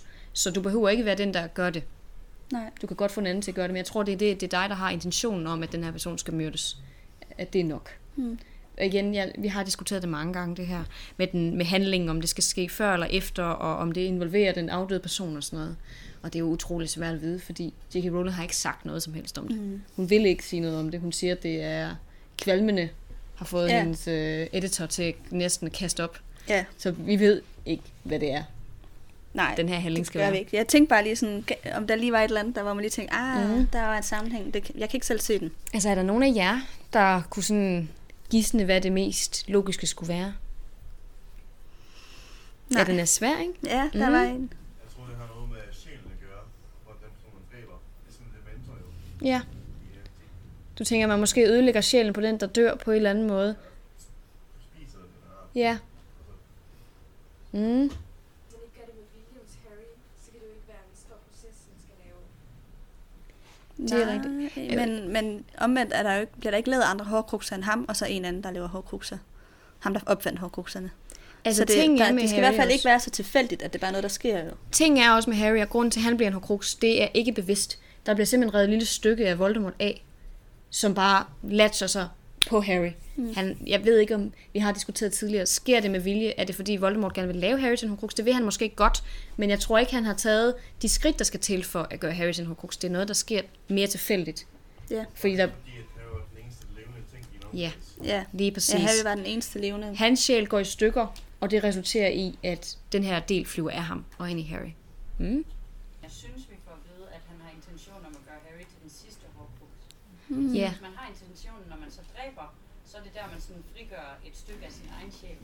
Ja. Og så har han måske ikke nået at lave det der, hvor det skulle indkapsles i noget, og så er det der, den bare har sat sig fast i Harry. det kan godt tænkes. Og At- der ikke også noget med øh, i bog 6, øh, når vi snakker om Snape omkring det, med at øh, lad være med at ødelægge hans sjæl, for det er jo også med, du skal dræbe mig, Snape. Mm. Fordi derfor er hans sjæl er stadig ikke intakt.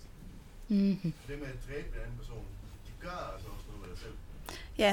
ja, at det at, at dræbe nogen ødelægger din egen sjæl. Ja. Og ja, hvordan får vi lige skal lige samle op på alt det her. Øhm, Det er svært. Hensigten. hensigten har betydning for, om man kan splitte sin sjæl. Ja. Hvis man dræber nogen med vilje, og med den hensigt, at man vil lave en hårdkrux, Så så han jo også til Snape, det er kun dig, der kan mærke ved dig selv, om det er en ond handling, at du slår en gammel døende mand ihjel. ja, Altså, som kun får det værre. ja. Ja, så det er fordi, man dræber med den hensigt at skade nogen, Mm-hmm. for at gøre For dit eget bedste, for dit eget ikke bedste, for den ikke? persons eget bedste. Ja. Jeg tænker, Og det går jo igen ved alle dem. apropos Harry og Horcruxen, så overvejer jeg, hvis det var intentionelt, at Harry skulle dræbes og bruge sin Horcrux, om han så har tænkt efterfølgende, kan jeg vide egentlig, om noget af min sjæl er i Harry? Om han overhovedet har overvejet det efterfølgende, fordi så vidt jeg ved, ved han ikke, at noget af ham er i Harry. Nej. Han ved, der er en forbindelse mellem ham og Harry. Ja. Men hvorfor den er der, det ved han nok Nej. ikke. Nej. Så det er jo også derfor, han bliver overrasket over, at han faktisk har overlevet Ja. i bog 7. Fordi han i reelt har slået sig selv ihjel, Ja. og ikke Harry Ja. i den øh, situation, ikke? Jo.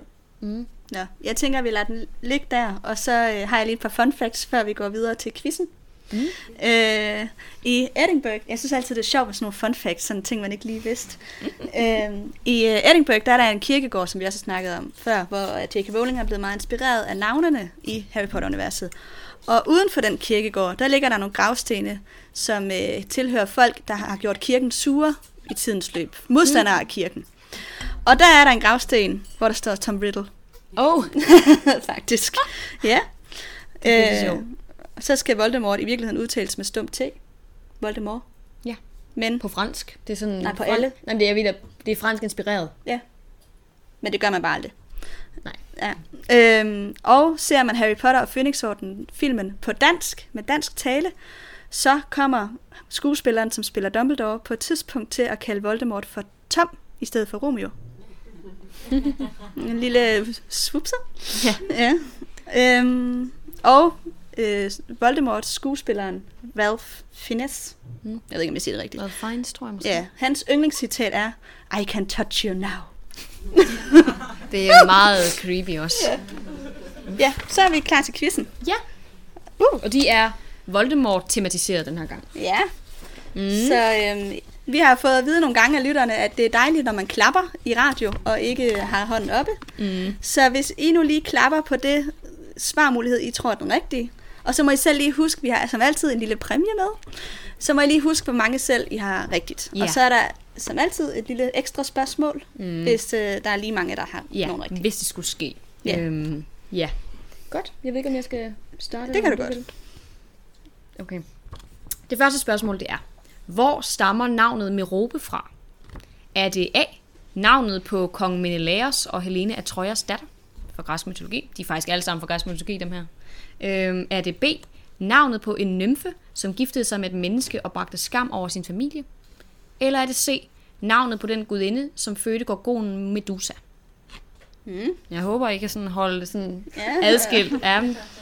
Så A, datteren af kong Menelaos og Helena af Troja. Hvem tror på den? Ja, Et to, par. tre, Et tre par. måske, Ja. B, navnet på den nymfe, som giftede sig med et menneske. Ja. Lidt flere. Der var mange, ja. Og C, navnet på den gudinde, som fødte gorgonen Medusa. Der var alligevel... Er, det, er den sådan halv-halv mellem B og C? Ja, det tror jeg. Ja, det var B. Det er, det er faktisk en, navnet på en stjerne, som er så inspireret af den her øh, græske mytologi om en nymfe, der gifter sig med et menneske, en dødelig. Og så, øh, så var det et eller andet med, at hun blev mere og mere, hun forsvandt, mm. fordi at øh, familien kunne ikke lide det. Jeg har faktisk selv givet svaret, tror jeg næsten, på alle dem her. Så hvis I har hørt efter, så, så ved I det godt. Jeg har også givet svaret på et af mine, Nå, kan jeg fortælle okay. Sorry. Uintentionelt. Ja. Hvor mange år varede den første store troldmandskrig? Varede den A. 9 år, B. 10 år eller C. 11 år? Og hvem siger A. 9 år? Det var der ikke nogen, der gjorde. B. 10 år. Og C. 11 år. Okay. I har alle sammen ret. Det var, det var 11 år. imponeret. Ja. ja, det var imponerende. Ja. Ja.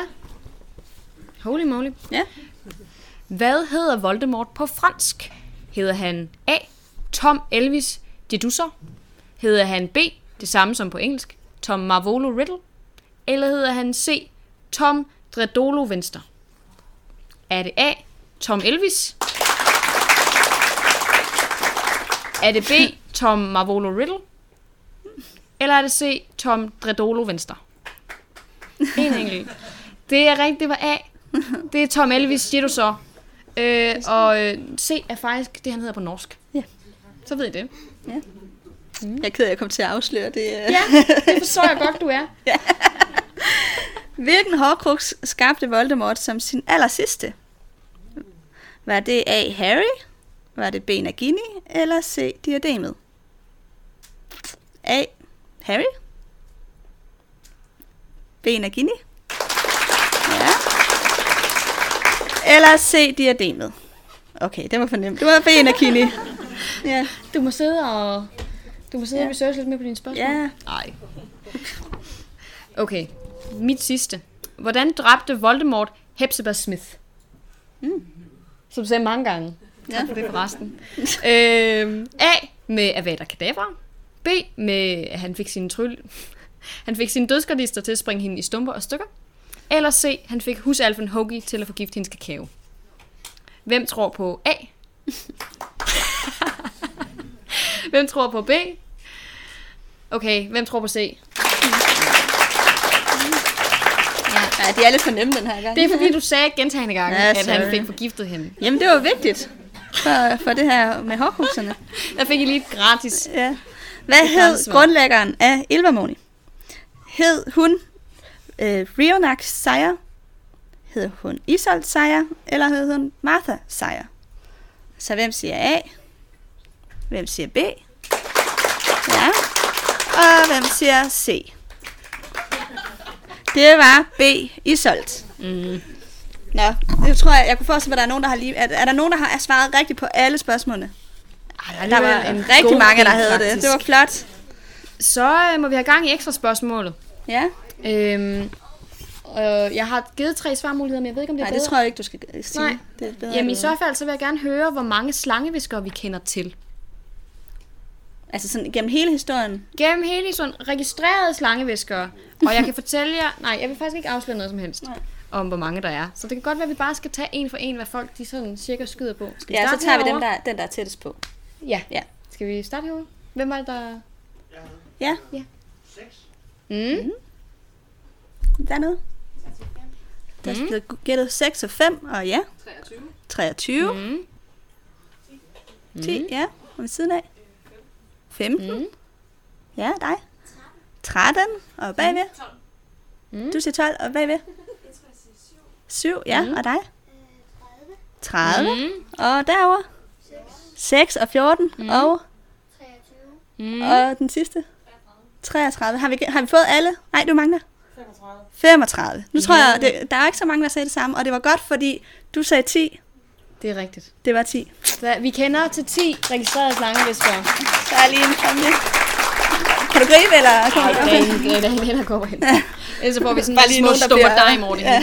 Mm. Ej, men jeg er altid så imponeret over, hvor Imponerende. mange folk de kan svare på. Ja. Fordi jeg sidder sådan, hmm, det ved jeg ikke, det her. Det er interessant. Ja. Sådan. Så, øh, så har vi tid til nogle lytterspørgsmål. Mm. Og øh, jeg synes, I har første ret, og ellers har jeg taget nogen med, hvis der ikke er nogen. Mm. Så øh, der var nogen, der ville have sagt noget tidligere, vi ikke nåede, men øh, ja. Hvad vil du gerne? Ja, det var i forhold til det der med Voldemort, og om han var født ond. Ja. Der er jo også en teori om, at fordi han er undfanget under tvang, altså at det jo faktisk er en voldtægt. Mm. Mm. At så er det, sådan, så er det inkorporeret i ham, at han Ja. Det er rigtigt. Det er det her, vi snakkede om med den her kærlighedsløse union, at det skulle decideret være skyld i det. Øhm, Jeg gentager bare lige, at Ja. Voldemort er født under tvang, og det kan være grund til, at han er blevet Ja. ond. J.K. Rowling har selv sagt decideret, det er symbol på ham, men det er ikke det, der gør ham til det, han er. Mm. Så, øh, så jeg sad nemlig også selv og med den her. Var det det, der var grund til det, eller var det noget andet? Ikke? Jo. Men det er enormt interessant. Ja. Så Mm. var det bare lige den der blodsforbandelse med Nagini, om hun var moren. Men Ja. altså, Voldemort bliver jo aldrig kun til en slange. Han ville vel have fået Ja. forbandelsen, hvis... Det ville han... Det spørgsmål, det går på, hvis Nagini og Merope var den samme, om Voldemort så ikke ville blive til en slange. Det ville han nemlig ikke, for den går kun videre til døtre. Nå, Så øh, det kunne potentielt gå videre til Delfini, ja, okay. hvis Merope og Nagini var den samme person. Men øh, ja. Nagini Delfini, Holy shit. det havde jeg ikke lige set før. Nej, nej, men altså, der er, den, den tjekker faktisk også out. Ja. Øh, I forhold til, at han er, han er en søn og ikke en datter. Ja, okay. Vi havde et spørgsmål herover.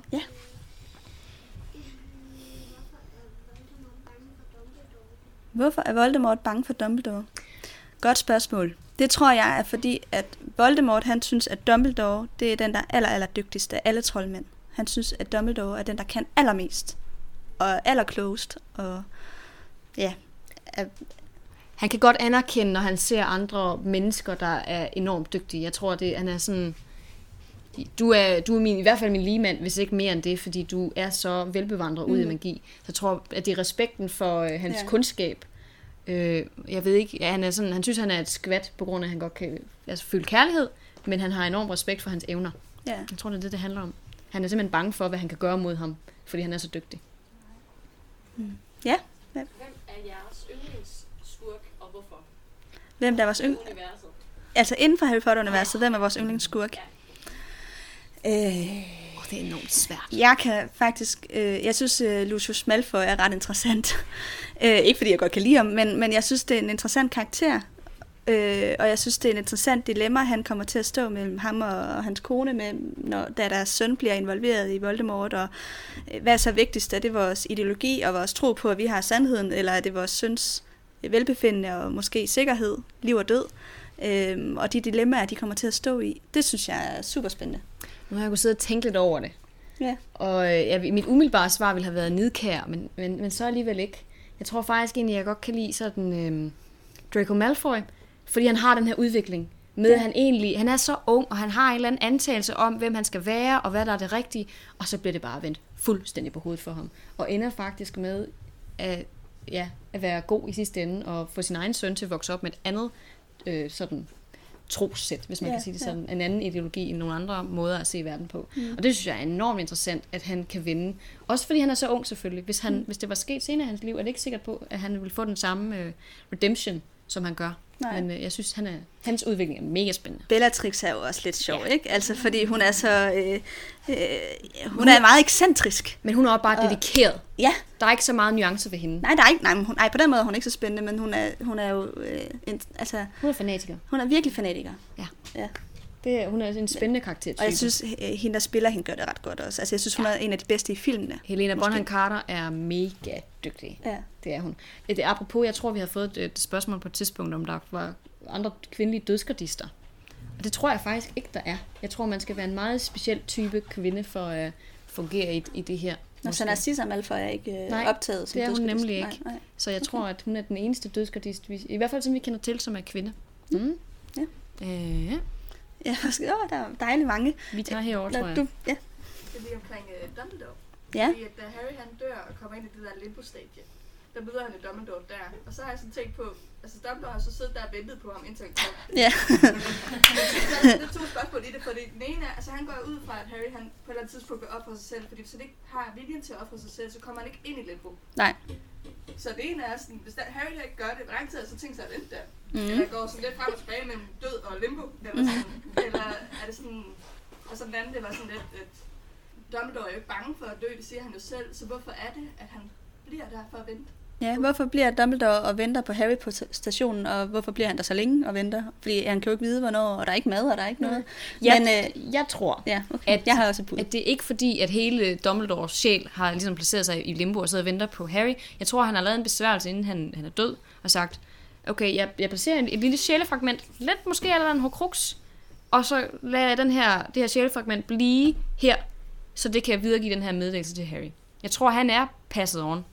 Det er ikke hans spøgelse, der sidder og venter i limbo, Jeg har, men, men en lille meddelelse. Jeg har en anden teori. Jeg tror, at tid er sat ud af spil i limbo. Jeg tror ikke, at tid er det samme i i limbo, som det er i vores verden. Mm. Så jeg tror, at for Dumbledore, der kan han have ventet i 10 sekunder på, at Harry kommer. Så du tænker, det er sådan hele hans sjæl, der... Jeg tror, det er hele hans sjæl, der venter, men jeg tror, at tiden ikke er den samme. Ja. Øhm, og derfor ser jeg det på den måde. Jeg har et tredje bud. Ja, tredje bud. Vi slutter af med at sige, altså Harry siger, hvordan ved jeg, at alt det her ikke foregår i mit hoved? Ja. Og så siger Dumbledore, det hele foregår i dit hoved, men det betyder jo ikke, det ikke er rigtigt. Ja. Jeg tænker, det er sådan er Harrys limbo. Ja. Altså det er jo forskelligt Mhm. fra person til person, hvordan det er. Er Dumbledore der, når det er Harrys. Ja. Ja, så det, så det er faktisk... det er ikke Dumbledore. Det er ikke Dumbledore, der er der, men fordi at Harry gerne vil have det. Ja. Ja. Så Harrys version af Dumbledore er i hans limbo. Mm. Ja, det giver også ret god mening. Det har jeg faktisk ikke tænkt på før. Jeg tænkte i hvert fald, altså hvis Dumbledore skulle vente i et år, ja, det er nok også det, det du har tænkt, da du stillede spørgsmålet, på ikke at gå videre til den, til den anden side, fordi han er et menneske, der ikke er bange for at dø. Han vil ikke være blevet et spøgelse, og jeg tror heller ikke, han vil blive et spøgelse for at sidde og vente på Harry. Jeg tror, at, altså fordi sådan en som Sirius, hvis han havde fået muligheden for at blive et genfærd, i stedet for, for at kunne være sammen med Harry, så havde han valgt det. Mm. Men han har bare ikke den personlighed, der gør, at han vil blive et spøgelse, og det tror jeg heller ikke Dumbledore han har. Så de er nok passet on. Ja. Mm, det er i hvert fald sådan min tanke. Mm. Altså, jeg skal også overveje den teori. Men det giver bare ikke mening i forhold til, at Dumbledore han giver ham nogle svar, som han ikke ellers ville kunne regne sig frem til. Men mindre Harry hele tiden til at have svarene inde i hovedet. Ja, Chokker. blandt andet det med Grindelwald, hvordan skulle han ikke regne sig frem til det? Eller at Dumbledore, han... Grindelwald, det snakker han. Jo, det nævner han på. Altså, ikke at de har været, haft noget kørende, men det nævner sådan, altså, at han øh, havde en besættelse af ham, og, det, og en besættelse af den øh, fascination, de sammen havde omkring... Øh, Han stiller nogle spørgsmål om de ting, han har fået at vide om Dumbledore, efter han stod det rigtigt. Mm. De har en samtale om Der er det. nogle ting, som han ikke selv sådan vil kunne få nogle svar på. Men det er jo der, det giver mening, hvis han har fået, ligesom sagt, nu har jeg lige lavet en lille besværgelse, og så er jeg lige efterladet sådan en, en, en budbringer til Harry, når han dør. Så han kan få svar på de spørgsmål, ja. mens jeg selv er, har bevæget mig videre. Lidt ligesom når man spørger et portræt, øh, som er blevet malet af dig, så kan man nok godt få nogle, nogle, nogle, nogle svar på nogle ting, selvom at det ikke er dig, der er inde i portrættet. Mm. Mm. Does that make sense? Ja, ja, ja. Men vi kommer aldrig rigtigt til at vide det jo. Det er jo også et spørgsmål om tro. Ja, det er rigtigt. Ja. Hvad siger Jeg du? har, et, øh, jeg har to ting. Den ene det er om Hogwarts og Voldemort. Altså, han, det, er hans, han ser det som det eneste hjem, han har haft. Og det er derfor, han vil blive der. Og så tror jeg også, at han har set Dumbledore som hans far. Mm. Altså, det var rigtig Så at Voldemort, og Dum- altså, at Voldemort har set op til Dumbledore som en faderfigur, Ja, ja. og derfor gerne vil blive på Hogwarts som lærer. ja. Ja. Det, altså, Ja, men har de en god relation på Hogwarts? nej, men altså, Øhm, der, men man har respekt for ham. mm, Der er noget autoritetsfigur i hvert fald øh, i Dumbledores rolle over for, for ham. Det er helt sikkert, at der er den her med, han har været hans lærer og har været med til at opfostre ham, magisk i hvert fald. mm. Har givet ham nogle, nogle, nogle evner, og han kan respektere det helt sikkert. Jeg ved ikke, jeg tror, at det er mere det, det handler om, end det er en faderfigur, og det er mere sådan en respekten for den her person, som hele tiden har kunne regne ham ud, faktisk. Mm. Hele tiden har kunne se igennem ham. Fordi Dumbledore lader aldrig sin guard ned omkring Voldemort. Ikke fra det tidspunkt, han møder ham inde på børnehjemmet, og han sætter ild til det der klædeskab. Han kan godt mærke, at der er noget galt med Tom på det her tidspunkt. Øh, og siden da holder han øje med ham altid, selvom han ikke helt ved, om der er grund til det. Øhm, så ja, jeg tror, det er sådan respekten for den person, der egentlig altid har vidst, hvad det var, han var up to. Ja. På en eller anden måde, måske. Ja, ja. Hvis det giver mening. Øh, ja. Jeg vil bare høre, hvad I tænker om øh, JK's fremlæggelse af skolens indflydelse på ens udvikling. Fordi man kan sige, at i Harrys tilfælde, så er skolen faktisk måske med til at sætte ham på rette spor. Hvor man kan sige med Voldemort, så er det altså som om skolen ikke rigtig formår at gøre det. Selvom man kan, altså, der er jo mange, der egentlig vil ham det godt på skolen. Mm-hmm. Jeg tror, det handler meget om, hvad man gør det til. hvad man selv ønsker at få ud af det. Ikke? Og det er nok også derfor, de har den her opdeling i huse, kollegier, at det er sådan den type personlighed, du kommer med, og også de, det drive, du har, hvad du gerne vil have ud af det. Hvis han var ind på Hufflepuff, så havde han jo også haft en helt anden type personlighed, og haft et andet, øh, en anden omgangskreds. Jeg tror, det er det der med, hans intention har været noget andet, hvor Harry har været sådan, det her det er fantastisk, jeg har endelig mulighed for at få venner og kærlighed, og jeg ved ikke hvad, blive, altså få noget andet ind i mit liv, end det der grå lorteliv, han havde hos familien Dursley, hvor for Voldemort, han har aldrig opsøgt de der fællesskaber. Han har aldrig ønsket det der.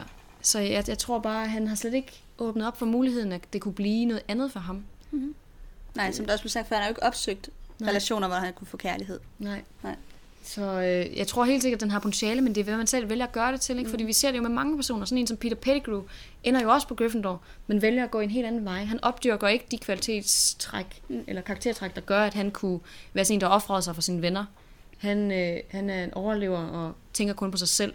Mens Ja. andre, der kommer på Slytherin, alligevel ender i en anden retning. Mm.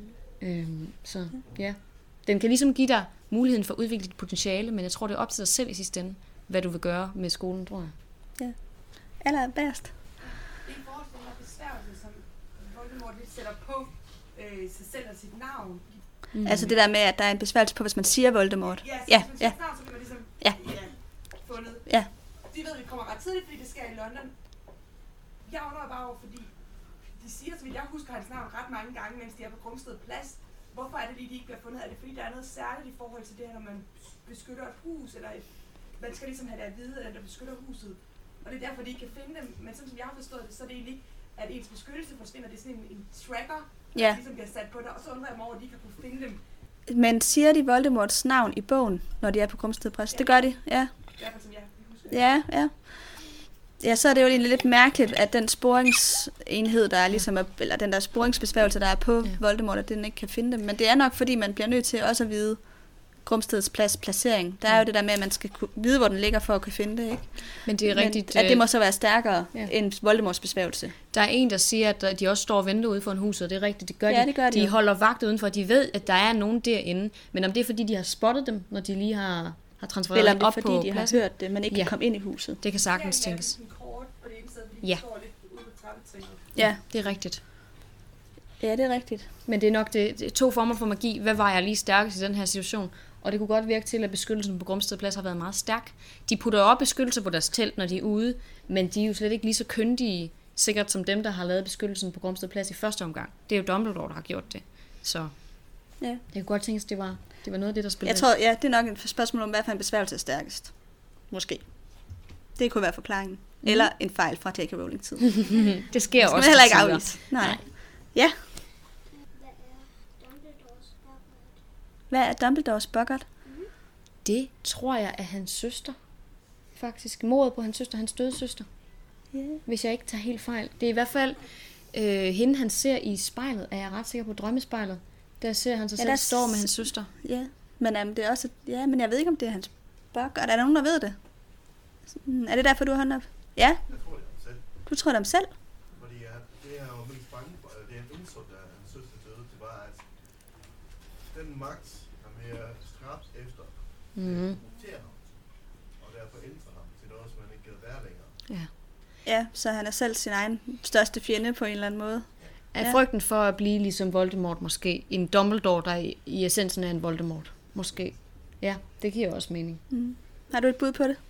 Ja, i hvert fald fra før han duellerede mod Grindelwald, så har det nok været Grindelwald, fordi han Ah. muligvis har rundt med hemmeligheden om, hvem der slår Erna ihjel.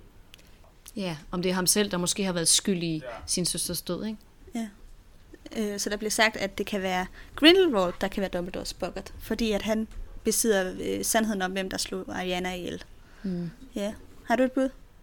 Eller er det et andet spørgsmål? Jeg tror også, det er Arianes liv. Mm. Arianas lige. Ja.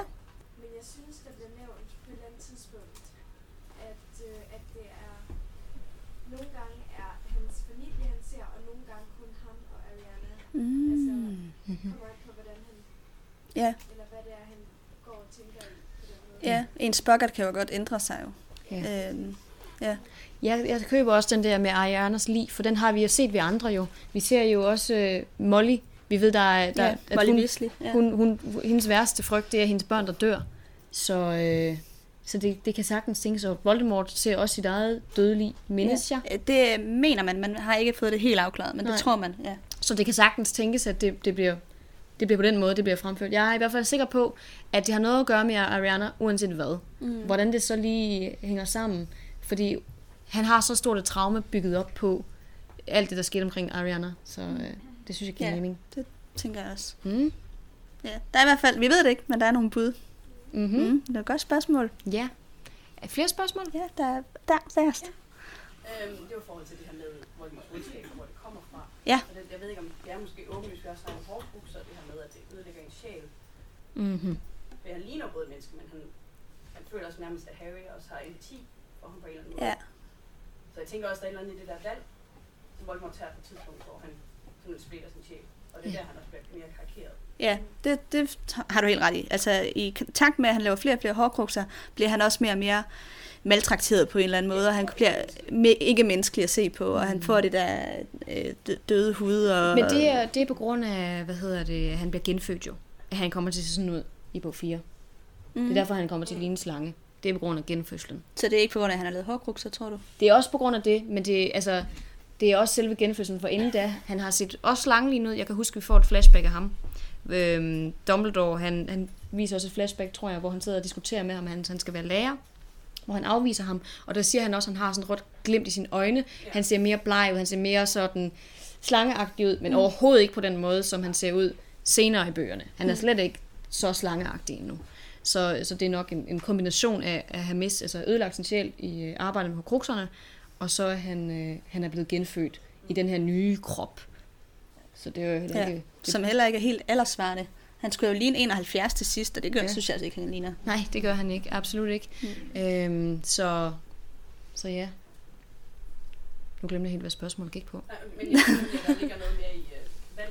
Ja, Ja. Altså, ja det siger noget om Voldemort, det valg, han tager at lave de her horcruxer. Ja, Det Mhm. har også med både Dudley og Malfoy der. Det er rigtigt. også nogle miljø, der vil gøre, at de måske også kunne. det er en god pointe.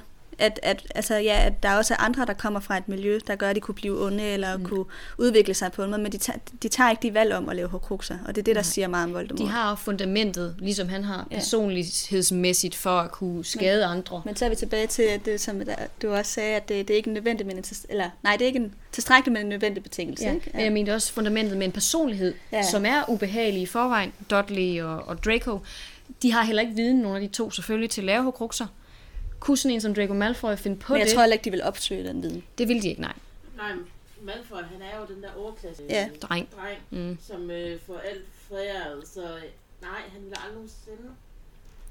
Nej, det vil Jeg tror ikke, han, Malfoy vil ikke være interesseret i at lave horcruxer. Det, det vil være... Han er ikke obsessed med sådan øh, udødelighed. Nej. på den måde, som Voldemort er. Han har Mm. slet ikke den slags tankesæt. Nej. Øh, så, Ja. ja. Nu ved jeg snart ikke, hvem der er kommet. Lad os tage dig. utrolig få, der gør det, fordi det er mega farligt og mega dumt og mega risikabelt. Altså, Og- selv folk, der slår mange ihjel, gør det ikke. Altså at lave horcruxer? Ja, Ja, ja. Eller, eller lave flere af dem. Altså, Ja. det er også, altså, En er nok. ja, hvis- en er nok, at, at det er sådan, Det er rigtigt. Det er han ikke. Men Altså- han er den første, der laver så mange horcruxer. Altså Gellert Grindelwald, så vidt jeg ved, laver ikke nogen. Sådan en som Bellatrix, der også er decideret massemorder, tænker heller ikke i de baner. Øh, igen, handler det om viden, eller handler det om, at det simpelthen er så sindssyg en idé, at det gør man bare ikke. Og så farligt, at man Ja. ikke tør at gøre det. Ja, det er ja. rigtigt, det er rigtigt. Um, han har jo været villig til måske at ofre sit eget liv i forsøget på at blive udødelig. Kunne det godt lyde som Ja, om. hvilket er lidt et paradoks. Men Ja. ja. Jamen, det er det nemlig. Ja. Det er meget interessant. Mm, Ja. Det er en god pointe. Mm. Skal vi tage herover? lille teori om, hvorfor Harry ikke dør i syveren, hvor Voldemort prøver at dræbe ham. Ja. Han har jo de tre dødsregalier. Mm. Mm. Og det er derfor, han ikke dør, tænker du? Ja. Jeg gentager bare lige ind i mikrofonen. At Harry han har de tre dødsregalier til sidst i bog 7, og det er faktisk er derfor, at Voldemort ikke kan dræbe ham. Tænker du ned i skoven, eller tænker du op på slottet? Nej. Jeg tror, nede i skoven. Det er der, hvor han kommer ind i limbo, ikke? Jo. Altså, det er rigtigt, fordi det er jo faktisk også, i det, det ligger op til i hvert fald, at han har de her tre dødsregalier, så derfor er han herre over døden, mm. og det er derfor, han ikke kan dø. Det kan være, det er en dobbelthed. Jeg tror i hvert fald, det har betydning, at han har de her tre dødsregalier, for ellers Ja. kan jeg ikke se, hvorfor de skulle være med. Men, men uh, Dumbledores pointe er jo, at det er ikke det vigtigste. Nej. Altså, det var Dumbledores egen fejl, at han forsøgte at få fat i de her tre dødsregalier, og måtte indse, at det ikke er det, der er det vigtigste at gå efter. Mm-hmm. Og det er også det, han håber, at Harry han kan se, at han skal gå efter at ødelægge hårdkrukserne, og ikke dødsregalierne. Mm. Mm. Så hvis Harry han ikke havde haft det fokus på at ødelægge hårdkrukser, så havde han jo ikke vundet over Voldemort. Og hvis han ikke var gået ned i skoven med den intention om at ofre sig selv, men i Ja. stedet for var gået ned med for at sige, nu vil jeg duellere med dig om at blive herre over døden. Mm. Hvem der står til sidst. Jeg har kappen, jeg har stenen, jeg har min, min stav, ikke? Altså, hvis han havde haft, hvis han havde haft det, det mindset, så var det ikke sikkert, at det her det var sket. Det kan mm. godt tænkes, at Ja. var det, jeg, jeg, det Hold staven, altså. Ja. Nej, Jeg øh, ved, hvad du mener. Ja. Nej, men at det var... Øhm, at, at, at det handler om hans intention. Han har gået derned for at ofre sig, har på en eller anden måde skabt det rette rum for at kunne komme ind i, i det her limbo. Han har så også haft den her del af Voldemort, men det har nok, det har nok åbnet op for muligheden, at Voldemort-delen kunne dø, og det ikke var det hele, at det ikke både var Harry og Voldemort, Ja. der blev slået ihjel. Så det er mere end bare det, han har. Det var Ja. ja. svaret på spørgsmålet, det- det er nok mere end de tre dødsregalier, men det er i hvert fald en hjælp. De spiller en rolle. De spiller en rolle, ja. Jeg tror, de skaber rummet for, at det overhovedet kan lade sig gøre, at det her limbo bliver åbnet for. Ja, måske. Det Potentielt. Det er bare, jeg kommer lige til at tænke på, får han ikke først staven, når han duellerer mod Voldemort der til sidst i, i den store gård? Jo, det er rigtigt. Det tror jeg rigtigt. Men øh, Voldemort har, det, jeg gentager bare lige, øh, at Harry har jo egentlig ikke oldstaven før til allersidst, hvor ham og Voldemort duellerer. Og det vil sige, at han har den heller ikke, da han går ned i skoven. Men oldstaven er jo til stede nede i skoven, ja. fordi Voldemort holder den.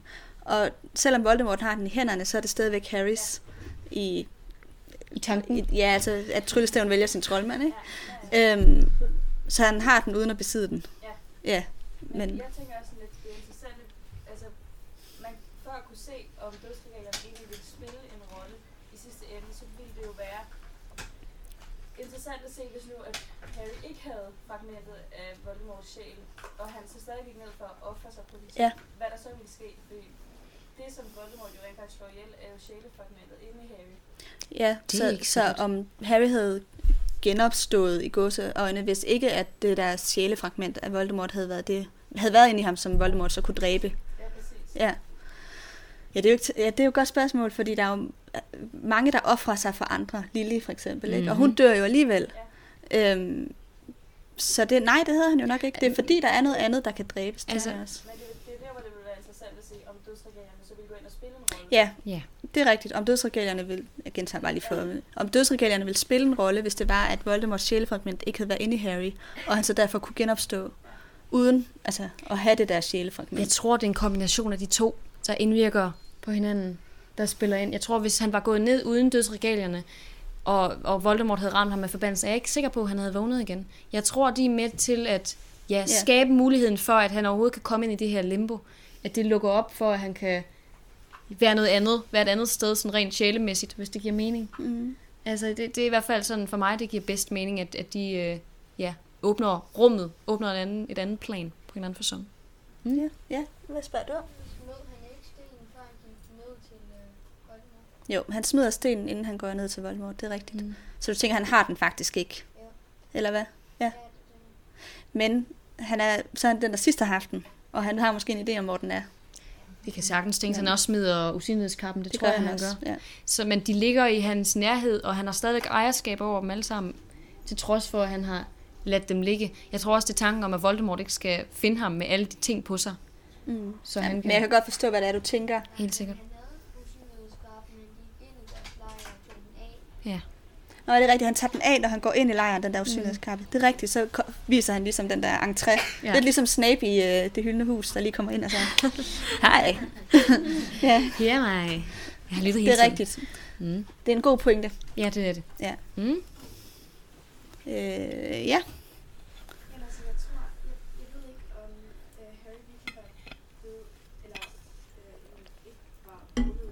Men Limbo.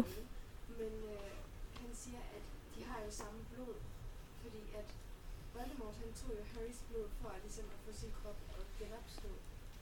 Og der har Dumbledore en teori om, at det kunne hænge hænge sammen med, at de har samme blod i årene, og at derfor, at Voldemort, han ikke kan gøre det af med Harry i sidste ende med årene.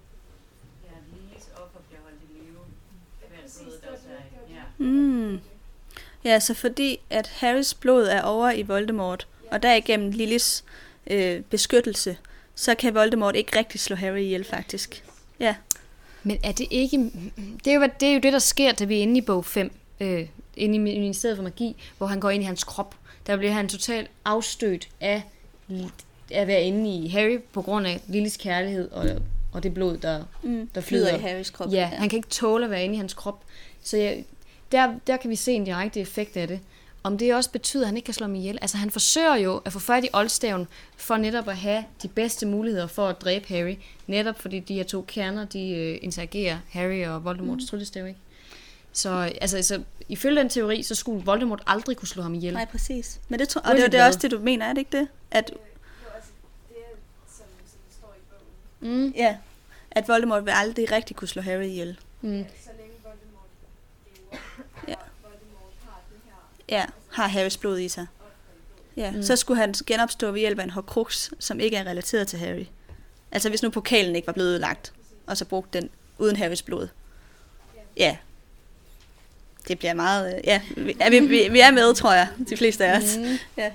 ja. God pointe.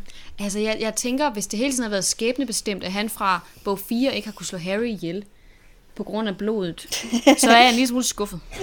Så burde han have gået op i, direkte op i lejren. At alle de andre kunne selvfølgelig godt slå Harry ihjel. Det er selvfølgelig et Ja, faktum. de men- dødskardister kan, kan jo godt. Ja. ja. Men, øh, men, men ja, så... Øh, jeg, jeg, jeg, jeg håber... Jeg håber ikke, det er sådan, må jeg sige. Altså virker det sådan, så kunne bare stoppe ved bog 4. Ja, lige præcis. Så kunne han bare have sagt, hey, nu har du mit blod, nu slår jeg dig ihjel. Ja. Eller sådan et eller andet. Ja. Med, hvad nu han bliver ved. Expelliarmus. Jeg tror, at vi er nået til sidste spørgsmål. Hvad mindre der var flere, jeg ikke havde set. Nej. To sidste spørgsmål. Mm. Vi starter heroppe, så. Hvordan fandt familien Weasley Scabbers? Jeg tror faktisk, det var Scabbers, der fandt familien Weasley. Ja.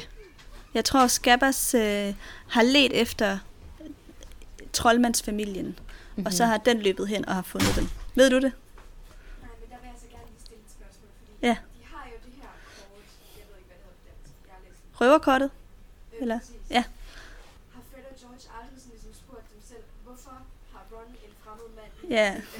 ja. Vi har, vi Det har vi. diskuterede det faktisk for, for en eller to episoder siden, Ja, ja. det her specifikke spørgsmål. At, og det virker som om, det bare er en kæmpe plotfejl.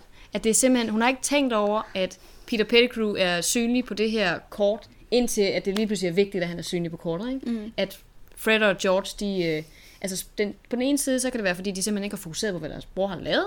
At de bare har været ligeglade med ham, og været sådan, whatever. Vi Ja, for de har jo brugt det til at finde udgange fra slottet, kan man sige. Ja. Jo, jo. Det kan jo være, at de har tænkt, at uh, what you do in your free time, det Ja. er... En helt ukendt person, som er med dig i seng hver nat. Ja. Det, det gør du bare, 11-årig lillebror. Mm-hmm. ja. Ej, men, ja, men, men apropos det der med Scabbers, så er det, fordi Peter Pettigrew i form af Scabbers selv har opsøgt troldmandsfamilier, så han kunne få information om, hvad der skete. Så han har nok kravlet op og ligget i haven og været sådan, Ja. virket sød, så de havde lyst til at tage ham ind, kunne jeg Mm. forestille mig. Ja. Sådan et eller den retning. Mm. Ja. Og du vil ikke spørge alligevel? Nej. Godt. Så tror jeg, at uh, vi vil sige tusind tak for i dag. Ja, tak, og tak fordi I kom. kom.